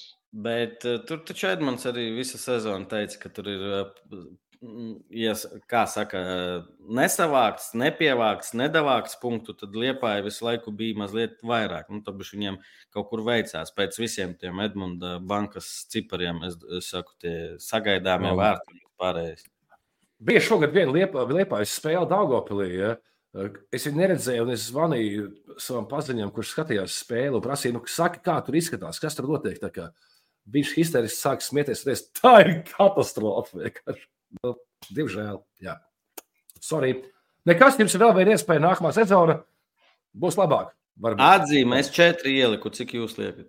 Nu, es arī liku četri, jā. Vai, vai, vai ir tas skaistais, skaistais stāsts par eh, četru no pieciem, četru no desmit? Jā, Tamas nekļūdījās. Ir četri. Pareizi. Malacis. Mums vienkārši, es domāju, ka viņš vienkārši gribēja pateikt no desmit balēm un nesanāca. Es domāju, ka viņš saprot, ka nebija veiksmīgs. Jo, ja Tamas lat, latviski runāja, to viņš vēl liels gāmi ir iemācījies ciparus. okay. uh, Valmiera. Valmiera. Hmm. Ja godīgi, domāju, ka būs pat sliktāk. Tiešām. Jo līderi it kā aizgāja, visu bija tāds, kas tur būs, kā tur būs, un kā beigās. Tu, tu, tu, tu. Plus sezonas Jep. laikā tur Jurgis, labi, viņam tas nekas jauns nav, bet. Provocēja visu laiku, ja? Bet diezgan skaļi kaut kādi paziņojumi bija, bet droši vien, ka viņš tā, viņam tāda metode vai vēl kaut kas, un cerams, ka viņš paliks Valmierā. Uh, Eh, nekur neies projām. Es teiktu, ka ar visu to, ka viņi bija čempioni, bet, kā jau Arkādijs teica, objektīvi tur eh, ne puse sastāva, tur vairāk bija prom. Un uh, skaidrs, ka Jurgim gribētos, lai viņi visi paliek, bet uh, biznesa ir biznesa, un tāpēc uh, līdz pēdējai kārtai cīnīties par trešo vietu. Pirms pēdējā labs komentārs no kāda Kakmīļa. Stāv pāri visam. Stāv pāri visam. Valmērs fani arī pieslēgušies. Jā, redzēsim, kā šis Valmērs fans nākošais gads ar Valmieru spēlēs. Būs jautri. Un visi ātri ļoti aizmirsīs, kas notika šogad. Un, es teiktu, ka jā, normāla, laba sezona Eiropas ir. Vienīgais, laikam, mīnus no tāda, kas interesē šī brīža Valmieras kluba, mm, īpašnieku un uh, vīziju. Es šaubos, ka kāds transfers var būt, nu, nopietns transfers, varbūt kaut kur tur, nezinu, Polijas pirmā līga. Uh, nebija tādu spilgtu spēlētāju, vai ne? Piekritīs. Nu, nu, varbūt slieda, bet uh, sliedam daļai runā arī viņa parametri un vecums par to, lai mm. jauns un garš. Un tāpēc es teiktu, septiņas balles es ieliktu Valmierai. Būtu saprotams, ja, man pārmetīs, kāpēc eh, Liepājai četri, jo viņiem arī ir jauns sastāvs, eh, tad uh, tur ir divas dažādas situācijas, manuprāt, un to nevar salīdzināt. Tur viss ir saprotams Valmierā, kas tur notiek. Liepājā neko nevar saprast, kas notiek. Uh, par Valmieru, jā, es arī liktu diezgan labi kopumā normāla, normāla sezona, ceturtā vieta. Pēdējā kārtā vēl teorētiski iespējas bija, bija dabūt bronzu. Protams, ja mēs salīdzinām to, ah, bet salīdzinām pagājušā gada komandu, kāda bija sakomplektēta, ja, protams, tad jā, nu, nu, nav tik labi un tas ir sūdīgāk. Bet nu, nosaukums palika, bet, bet tas, tas, tas pamatīgs pamainījās krietni, krietni, krietni. Ja. Normāla sezona Valmērē. No Škalns uz Rīgā FC ar kādī, kā tu vispār pieļauj tādu variantu? Šobrīd es domāju, ka īsti ne. Bet par Valmieru izdomāju kādu arī popkultūras komentāru. Nu, mēs zinām, ka paralēli ir vēl miljons realitāšu, kā ir dzīvē. Tas pats tikai notiek kaut kas citādāks katrā no šīm realitātēm. Noteikti ir realitātes, kur par katru virsligas komandu sezonas gaitā taisa seriālu All or Nothing vai Ceļā uz sapni. Un, ja būtu jāizvēlās, kurā realitātē es gribētu dzīvot, tad es gribētu dzīvot realitātē, kur šodien taisīja šādu scenāriju par Valmieru. Jo es pieļauju, ka tur būtu visaizraujošāk gan no tām amplitūdām, ka sezonas gaitā daudz joprojām cer par to, ka čempionu tituls mēs esam čempioni, lai gan virkni futbols aizgāja. Tad mēs tāpat varam cīnīties par pirmo vietu līdz apziņai, ka viss ir slikti, ka tev Eiropausos netikt Arī paši Eirokausi, kāda tie bija, tie pārdzīvojumi, atvadīšanās arī no Alvija Jaunzuma, paloša trauma arī visu šo, spēļu gaitā, mēnesis aizbraukšana, mēnesis tur arī kaut kādi niķi savi. Tur, man liekas, katru nedēļu bija jautri un interesanti. Plus arī tās iekšējās problēmas, par kurām sezonas sākumā runāja. Jurgis Kalns. Un arī atrisināt visu laiku. beigas. Un beigas ar happy end, ar pozitīvu iznākumu čempionātā, 4. vietu un uh, Riga nesen titulu ciemos arī forši. Tā kā tas būtu ļoti labs seriāls, kādam alternat- alternatīviem realitātēm to var vērot. Uh, Apsveic tos, kuri to dara tagad. Bet vispār es varētu vēl teorētiski Valmiera sezona kaut kas līdzīgs kā FKPPK otrajā līgā. Ja? Arī papiši visiem izbraukumā, vinnē mājās, nu kaut kā šitā te, ja? jo te, kurš tu vai Edmunds Agris vai Arkādijs teica to faktu, ka Valmiera ir vienīgā komanda, kur šajā sezonā ir ar pilnīgi visām komandām, laikam, nospēlējis neizšķirts, zaudējis un uzvarējis. Un to agri saskaitīja, un viņam tieši pirms pēdējās kārtas pietrūka neizšķirta pret Rīgā. Viņi to dabūja. Tas ir fantastisks rādītājs. Nezinu, vai pasaules pokers. ir bijusi tāda komanda. Tā kā jā. Nu, se, ne seši, ko, seši, seši, seši, septiņi, jā. Nu, jā, Mums šeit, vēl patīk- eh, ja, ja runājam par sižetu, tad desmit. Bet, ja runājam par rezultātu sniegumu un tā tālāk, es tu, tomēr sliedzos uz septītnieku, ņemot vērā esošo sastāvu. Okay. Mums paliek Man ir daudz- jautājums, kāpēc spēlēja spēlētājs, kurš spēlē visas spēles un neskata gols iekšā uzbrukumā? Darīja citu vērtīgu darbu. Aizsardzībā īstenībā mēs labi atstrādājām. Jūs par Diopu? Asistus arī sakrāja. Pendels pāris nopelnīja. Mākslinieks pendels nopelnīt. Mākslinieks piemānīt latviešu tiesnešus. Normāls spēlētājs, un ja atvērsies, tad atvērsies, tad aizies. Nu, labi, Jā. labi, labi. Davai par Kā Dāngu. Gordeičuks. Baldies Gordeičuks. Jā, viņu gaidīja. Nesagaidīja. Dēpils. Sešas balvas stabili, ja? Uz sezonas beigām jau ies. Eju, puikas, zinat kas? Eh, Es sapratu, ka šogad droši vien bija arī tāds atšķirīgs eh, čempionāts, cik mums eh, sezonas gaitā treneru pamainījās. Jā, tikai divas Su- komandas treneri pamainījās. Supernovā, Jelgavā. Viss, tas ir ļoti maz. Mums bija sezonas, kad Rīgā trīs mainījās. Jā, bet tiešām tas tā, tāds ir fakts. Un arī Jā, nav tā, ka ziemā mūs sagaidītu liels izmaiņas. Jā, jā Auda, RFS. Auda un Rīgā vai vēl kāds taisnu droši. Nu, Grobiņā mums super no grobiņu. Uz grobiņā. Nē, nu skaties, RFS nē, Rīga skaidrs mainīs, Valmiera visdrīzāk nē. Auda, kāpēc es lieku Valmieru trešajā vietā? Lieku? Auda. Nu, Auda tur arī ne, varētu būt, ka viņš kaut kur aiziet, vai ne? Valakā arī teica, ka viņam uh, nav līgums uz nākamo sezonu. Pēc spēles pret uh, BRC. Šito es palaidu garām, neredzēju. Teica, ka viņš, es gribētu palikt, bet līguma man nav. Skaidrs. Aha. Es domāju, ka Jelgavā varētu būt jauns, nē?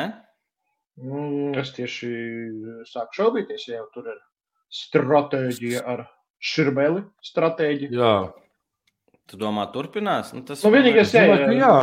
ja, ja škrlīkam pašam apniks, tad viņš teiks, ka paldies. nē, es Ā, šis te- ā, ši- ā, šis ir meļis. Nu, Šurmēls vēl varētu, varētu palikt, nu jau tā, ka no Nu, Jelgavas nu. uz Lietuvai ir tālu. PPC čatā rakstīja, atcerieties, ja, ka Dāngopilī var mainīties. Nauris Vaskēvičs pēc spēles pret Audu teica, ka nemainīsies un turpināsim strādāt ar to pašu tādu štābu. Okay. Naurim es ticu vairāk nekā PPC čatam. Okay. Ko Pērkons darīs jaunajā sezonā? Būs Supernovas akadēmijas direktors. Hmm. Mhm. Davai par dēpili. Kas pārsteidza, kas. eh, Nu, eh, davai es sākšu. Neko vairāk, laikam, es negaidīju. Es vienkārši man tādas sajūtas par Dāngopili, ka katru gadu man liekas, ka tā būs reize, kad eh, nevis tulīt izšaus, bet uh, rekur būs, Ka būs zemāk par, par jā. un būs uh, viss slikti. Malači cīnās, un pie tam ar ļoti jauniem puikām, kā tu teici, ar kādi, uh, kurš tur piektais gads jāspēlē, pat sestais. Jā, Urbāns Parkovskis. Viņa jāskatās mazāk, bet jebkurā gadījumā viņš arī bija Milāns Tikonovičs. Arī Mhm. aizums. gan Jā, jauns. visu to viņi diezgan, diezgan vai Dāngopilī nākamā sezona būs double week liepājā un grobiņā.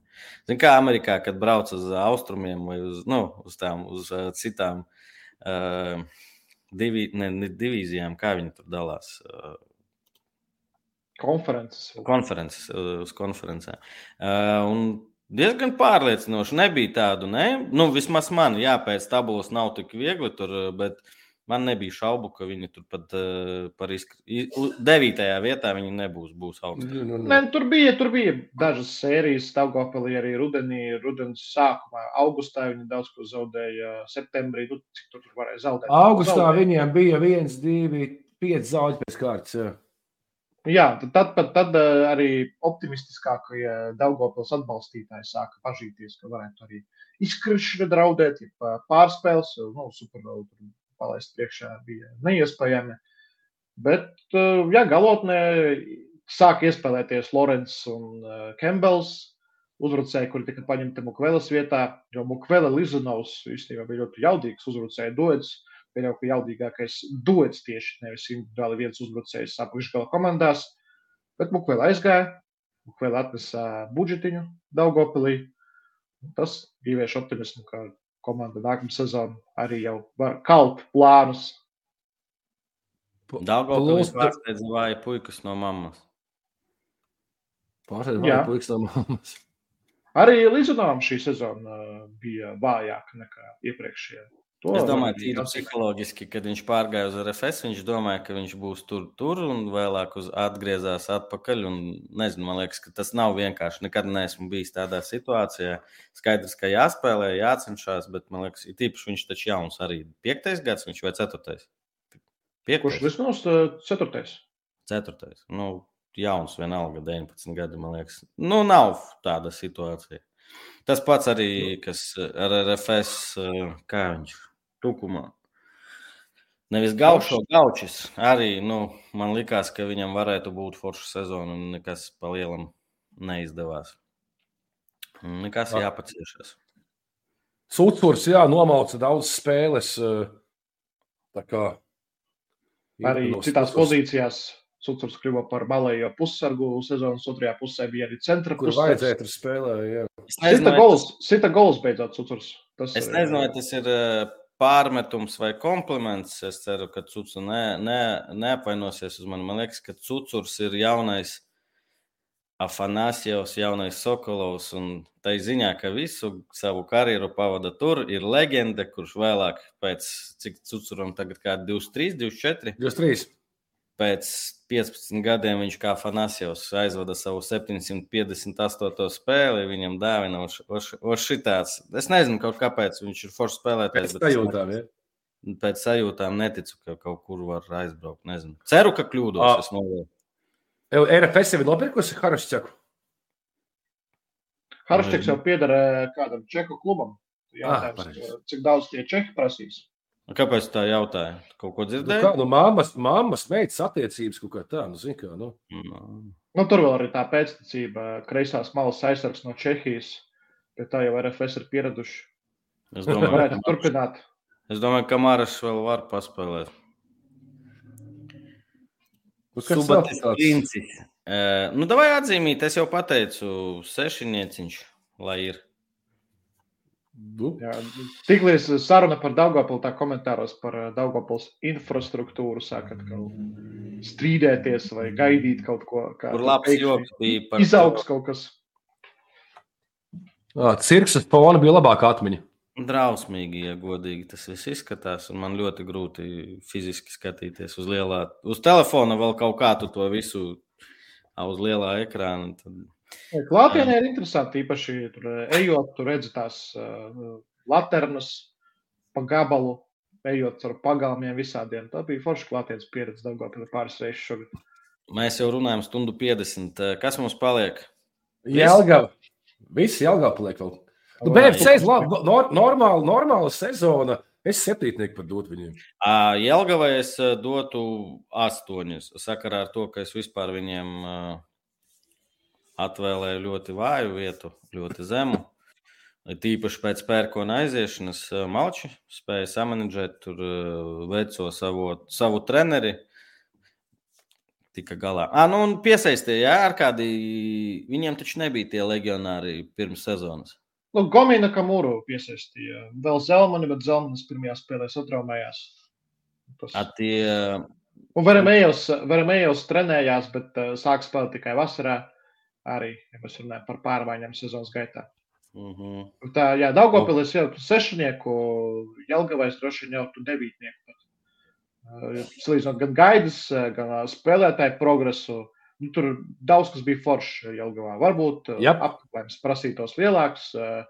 Un Smačdei Zengals Olimpiskajā centrā prasītos foršāks. Bet tāpat nu, tur ir būdiņi, kur var šo to iegādāties arī atribūtiku. Man liekas, ka spēlēt ar saviem, tur varēja vēl vairāk par un ap sevi sapulcēt publiku, īpaši sezonas otrajā pusē, kad arī rezultāts sāka nākt. Rezultāti bija pēdējā aplī, viņiem tikai divi zaudējumi. Nē, trīs, laikam, vai divi. Trīs, trīs zaudējumi pēdējā aplī.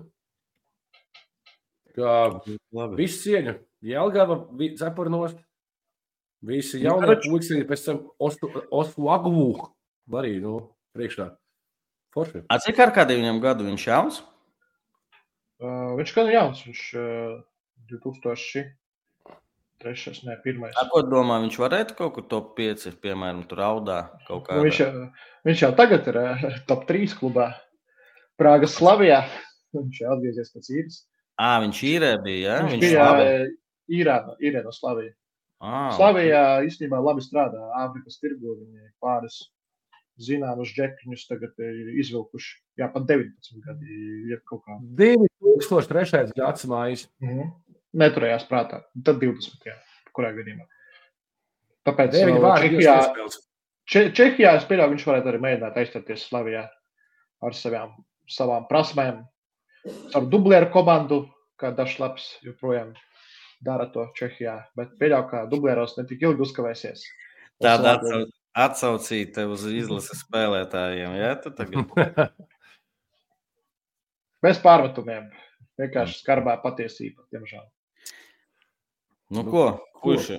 Divas stundas mēs nopļāpājām ar kādiem. Ah, par tukumu, tukums, tukums, tukums. Viņš jau Tuvākā man komanda, tuvākā man komanda virslīgā. Nu, Tuvāk vairs ne, pēc nedēļas tu pārvācies. Būsi Rīga FC cilvēks. vistuvāk. Ah, runājot par, runājot par Jelgavu, Reku mūsu šatā iemeta šo, šo video. Tas bija pēc sezonas, laikam, šodien. Skatāmies, draugi.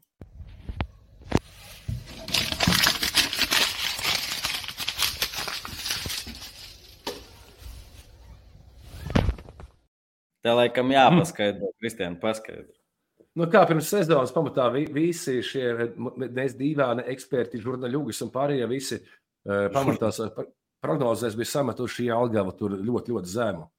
Un uh, pērkona sezonas sākumā pielīmēja Džekiem ģērbtuvēs šo te lapiņu ar ekspertu prognozēm, kas prognozēja Jelgavai ticamāk Aston Lista Baby no virslīgas. Un, uh, nu jā, lai viss motivētu. Un tagad pēc sezonas šī lapiņa tika izme- izmesta uh, miskastē. Daudz kas notika šodien, lai eh, šī lapiņa nekļūtu par eh, precīzajām prognozēm. Es arī droši vien, jā, es laikam liku arī desmitajā vietā Jelgu. Mani nepārveicināja treneris un viņa pirmssezonas intervija. Tās intervijas iespējās arī rīkojos tā, kā es rīkojos. Ierindojot Jelgavniekus desmitajā vietā, bet jau sākot ar pirmo kārtu, ar pirmo spēli. Atceros, man bija tādas Bet emocijas. Rīgas spēle, Večparkā. Redzēt, jau- kā sitās Jelgavnieku puikas. Man tur cilvēki rakstīja privāti, teica, ka ko tu ļoti uzvilcis un emocionāls, kas tāds esi idiots kāds, kas tu vienkārši futbols ir. Jārunā monotoni un jāklusē, nevis jāhārta. Jelgavas puikas cīnās ar Rīgas profesionāļiem, kā līdzīgs pat līdzīgi un beigās. Regža, iespējams, ar pārkāpumu gūst vārtus un izrāva uzvaru. Tas arī bija bangers. Pirmā klātienes spēle, ko komentēja pusgadu laikā, jo virslīgā tā- tie pārtraukumi ir gari. Jā, kas par atņēmu, kas par sezonu virslīgā. Tā. Jelgavā mūžīgais jautājums. Kas ir īsti futbols? Sporta veids vai šovu biznesa nozara? Te kaut kas dziļāks, un es ainā ar domu nevaru saprast, par ko tas ir- Jelgavā ir visforšākā pilsēta, kur šobrīd dzīvot Latvijas futbola kontekstā, jo ir virslīgas komanda, Ir uh, telpu futbols, kas dažreiz ie- iegriežas, ir uh, JFC Jelgava, kas spēlēs otrajā līgā, ir Jelgavas dublieri, kas Kas spēlēs otrajā līgā. pozīcijām. Jau. derbijas. O, jā, otrajā līgā derbijas būs. Olēnē, tā kā Tā. tā skumjāk palicis, jo neviena Jelgavas komanda tur vairs nespēlē. Unions būs, Unions būs otrajā līgā. Arī derbijas. Nikers viss raksta, derbija, derbija. lielā virslīga beigusies. Sirsnīgi gaidām visus uz telpu futbola virslīgu. Es piesaku, bet, bet es neesmu, neesmu bijis kuldīgā uz telpu futbolu, lai gan biju strādājis pāris gadus kā telpu futbola asociācijas preses cilvēks, bet uh, līdz Nikeram es tā arī nebiju aizbraucis, lai gan man liekas, tajā laikā. Nikers nebija augstākajā līgā. Nu, viņi spēlēja pirmajā līgā par augstākajām vietām. Uz kuldīga rīkoja kausa finālu, uz ko es arī netiku. Tagad viņi spēlē augstākajā līgā. Vitālijs Voskans, galvenais treneris. Bet, jā, nezinu. A, Kāpēc viņš aizgāja no izdosies. Tur bija pandēmija, tur bija kaut kāds dīvains stāsts. Es laikam Nu, arī galam nianses nezinu, jo vienu brīdi arī runāja par to, ka Voskans dosies uz Vāciju. Viņu tur grib redzēt par galveno treneri. Beigās par Vāciju kļuva kuldīga vai Valdis Kalns tagad ierakstīs, kā kuldīga vācu valodā. skan. Kriņš, nē, tas ir salaspils. Nezinu. Uh, es pieslēgšos futbolam, godīgi pateikšu, uz, Pensijā? uz playoffiem, uz finālu. Jā, plēsoņi varētu nebūt tik aizraujoši. Bet uh, sērija par trešo vietu varētu būt labi. Tā, nu ko? Kaut kas vēl tukums? Tukums spēlēja, man liekas, drājas futbolu. Es zinu, divas spēles pēc trīs biju aizbraucis tukumu arī šo sezonu. Un uh, nu, skatām, ir drājiski. Nu. Tukumam septītnieks no manis. Arī neko īsti negaidīju. Es gaidīju vairāk, nu, pozīcijas ziņā, tabulā. Nevis spēle, man patīk, kā viņi kāpājās. Bet uh, nu, pēc pozīcijas es liku sastos, laikam, viņus vai septītos. Nu. Sanāca, kā sanāca. Līdz, līdzjūtējs simpātiju balvas tukums ir ieguvis. Bet tā spēle pret jā, protams, fenomenāla bija. Nu, tas ir RFS, bet pārējās arī tā pēdējā, priekšpēdējā kārtā, kur viņi spēlēja pret, uh, pret audu arī. Nu, nu, pf, draiski, forši. Nu, Pēdējā 0-0 garlaicīgi. Lai gan to spēlēs, vēl neesmu uzrīkstējies skatīties. Es Varbūt tur notika kaut kas tāds, kamēr visi skatījās čempionu cīņu vai audas bronzas maču. Varbūt Tukums un Jelgava izveidoja nezinu, kaut ko tur. Vispār, jā, tā spēle palika vismazāk atspoguļot arī preses konferences, tur bija īsa. To gan nebija izslēgts iekšā. Šo, davai, pietiks runāt. Mēs ar kādu pēc nedēļas varēsim pieslēgt katru, katru dienu, ja, ja varēsim. Varēsim pieslēgt. Aivar, mēs izspēlēsim šodien kaut ko, Aivar. Pirmkārt, paldies uh, virslīgai. Tiešām uh, forša sezona. Es, uh, klātienē šogad ļoti maz, bet uh, centos sekot uh, attālināti. Un, uh, forša, forša, forša sezona bija. Dod Dievs, lai nākošais gads kaut kas līdzīgs ir. Uh, Tā, apsveicam RFS ar uzvaru. Ve- veik- Veiksmi turpmākās karjeras meklējumos RFS stafam, uh, tad Rīgas stafam. Kas vēl? Paldies! Mūsu patroniem, paldies mūsu draugiem Betsteip. Un tūdaļ mēs kaut ko izlozēsim, ko ierakstīs Aivars komentārā. Kepons, kepons. Kepons, ok, ok, kepons, davai, kepons aiziet, griezties, ripulīt. Nākamais viesis Dobriks. Nē, mēs ceturtdien ierakstām uh, bāra sarunu, un uh, tas arī būs saistīts. Miks Babris. RFS, RFS? RFS atkal uzvar. Mik? To zini, kas jādara sazināties.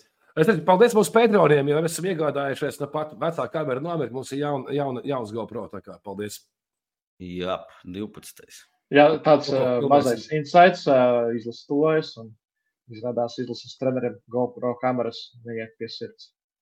Viņš bija ļoti neapmierināts, kad ieraudzīja pēdējā preses konferencē GoPro kameru, jo ar viņu tas nebija saskaņots. Treneris bija ļoti dusmīgs par to. Kāpēc? lietas arī. Izlase nāk ar savām, ar saviem jokiem, ar saviem, savām memēm. Labi, 18. ok. datumā. Izlasīt šo tēmu, tad jau ir Ar kādi Nē, es negribu par izlasi runāt dzimšanas dienā. Davai, paldies jums, Arkādī, Kristiāna un skatītāji. Gaidām virslīgu, varbūt insaidiņš vēl viens uz nobeigumu sezonu nākošu gadu baumo, ka var sākt, sākties mazliet agrāk.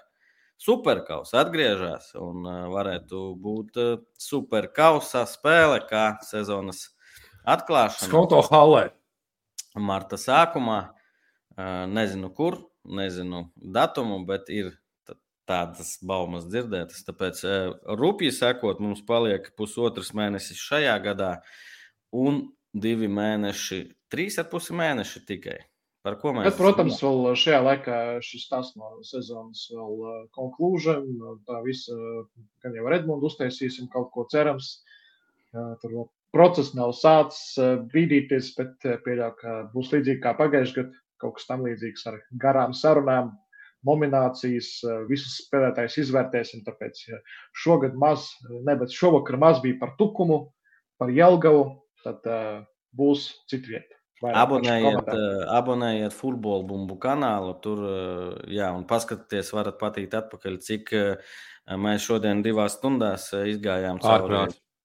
Cik, cik sīki un detalizēti Arkādijas ar Edmundu to dara futbola bumbu kanālā. Tur ir mazliet cits līmenis, bet mums patīk šitā. Tāpēc paldies, Arkādija, ka pievienojies mums.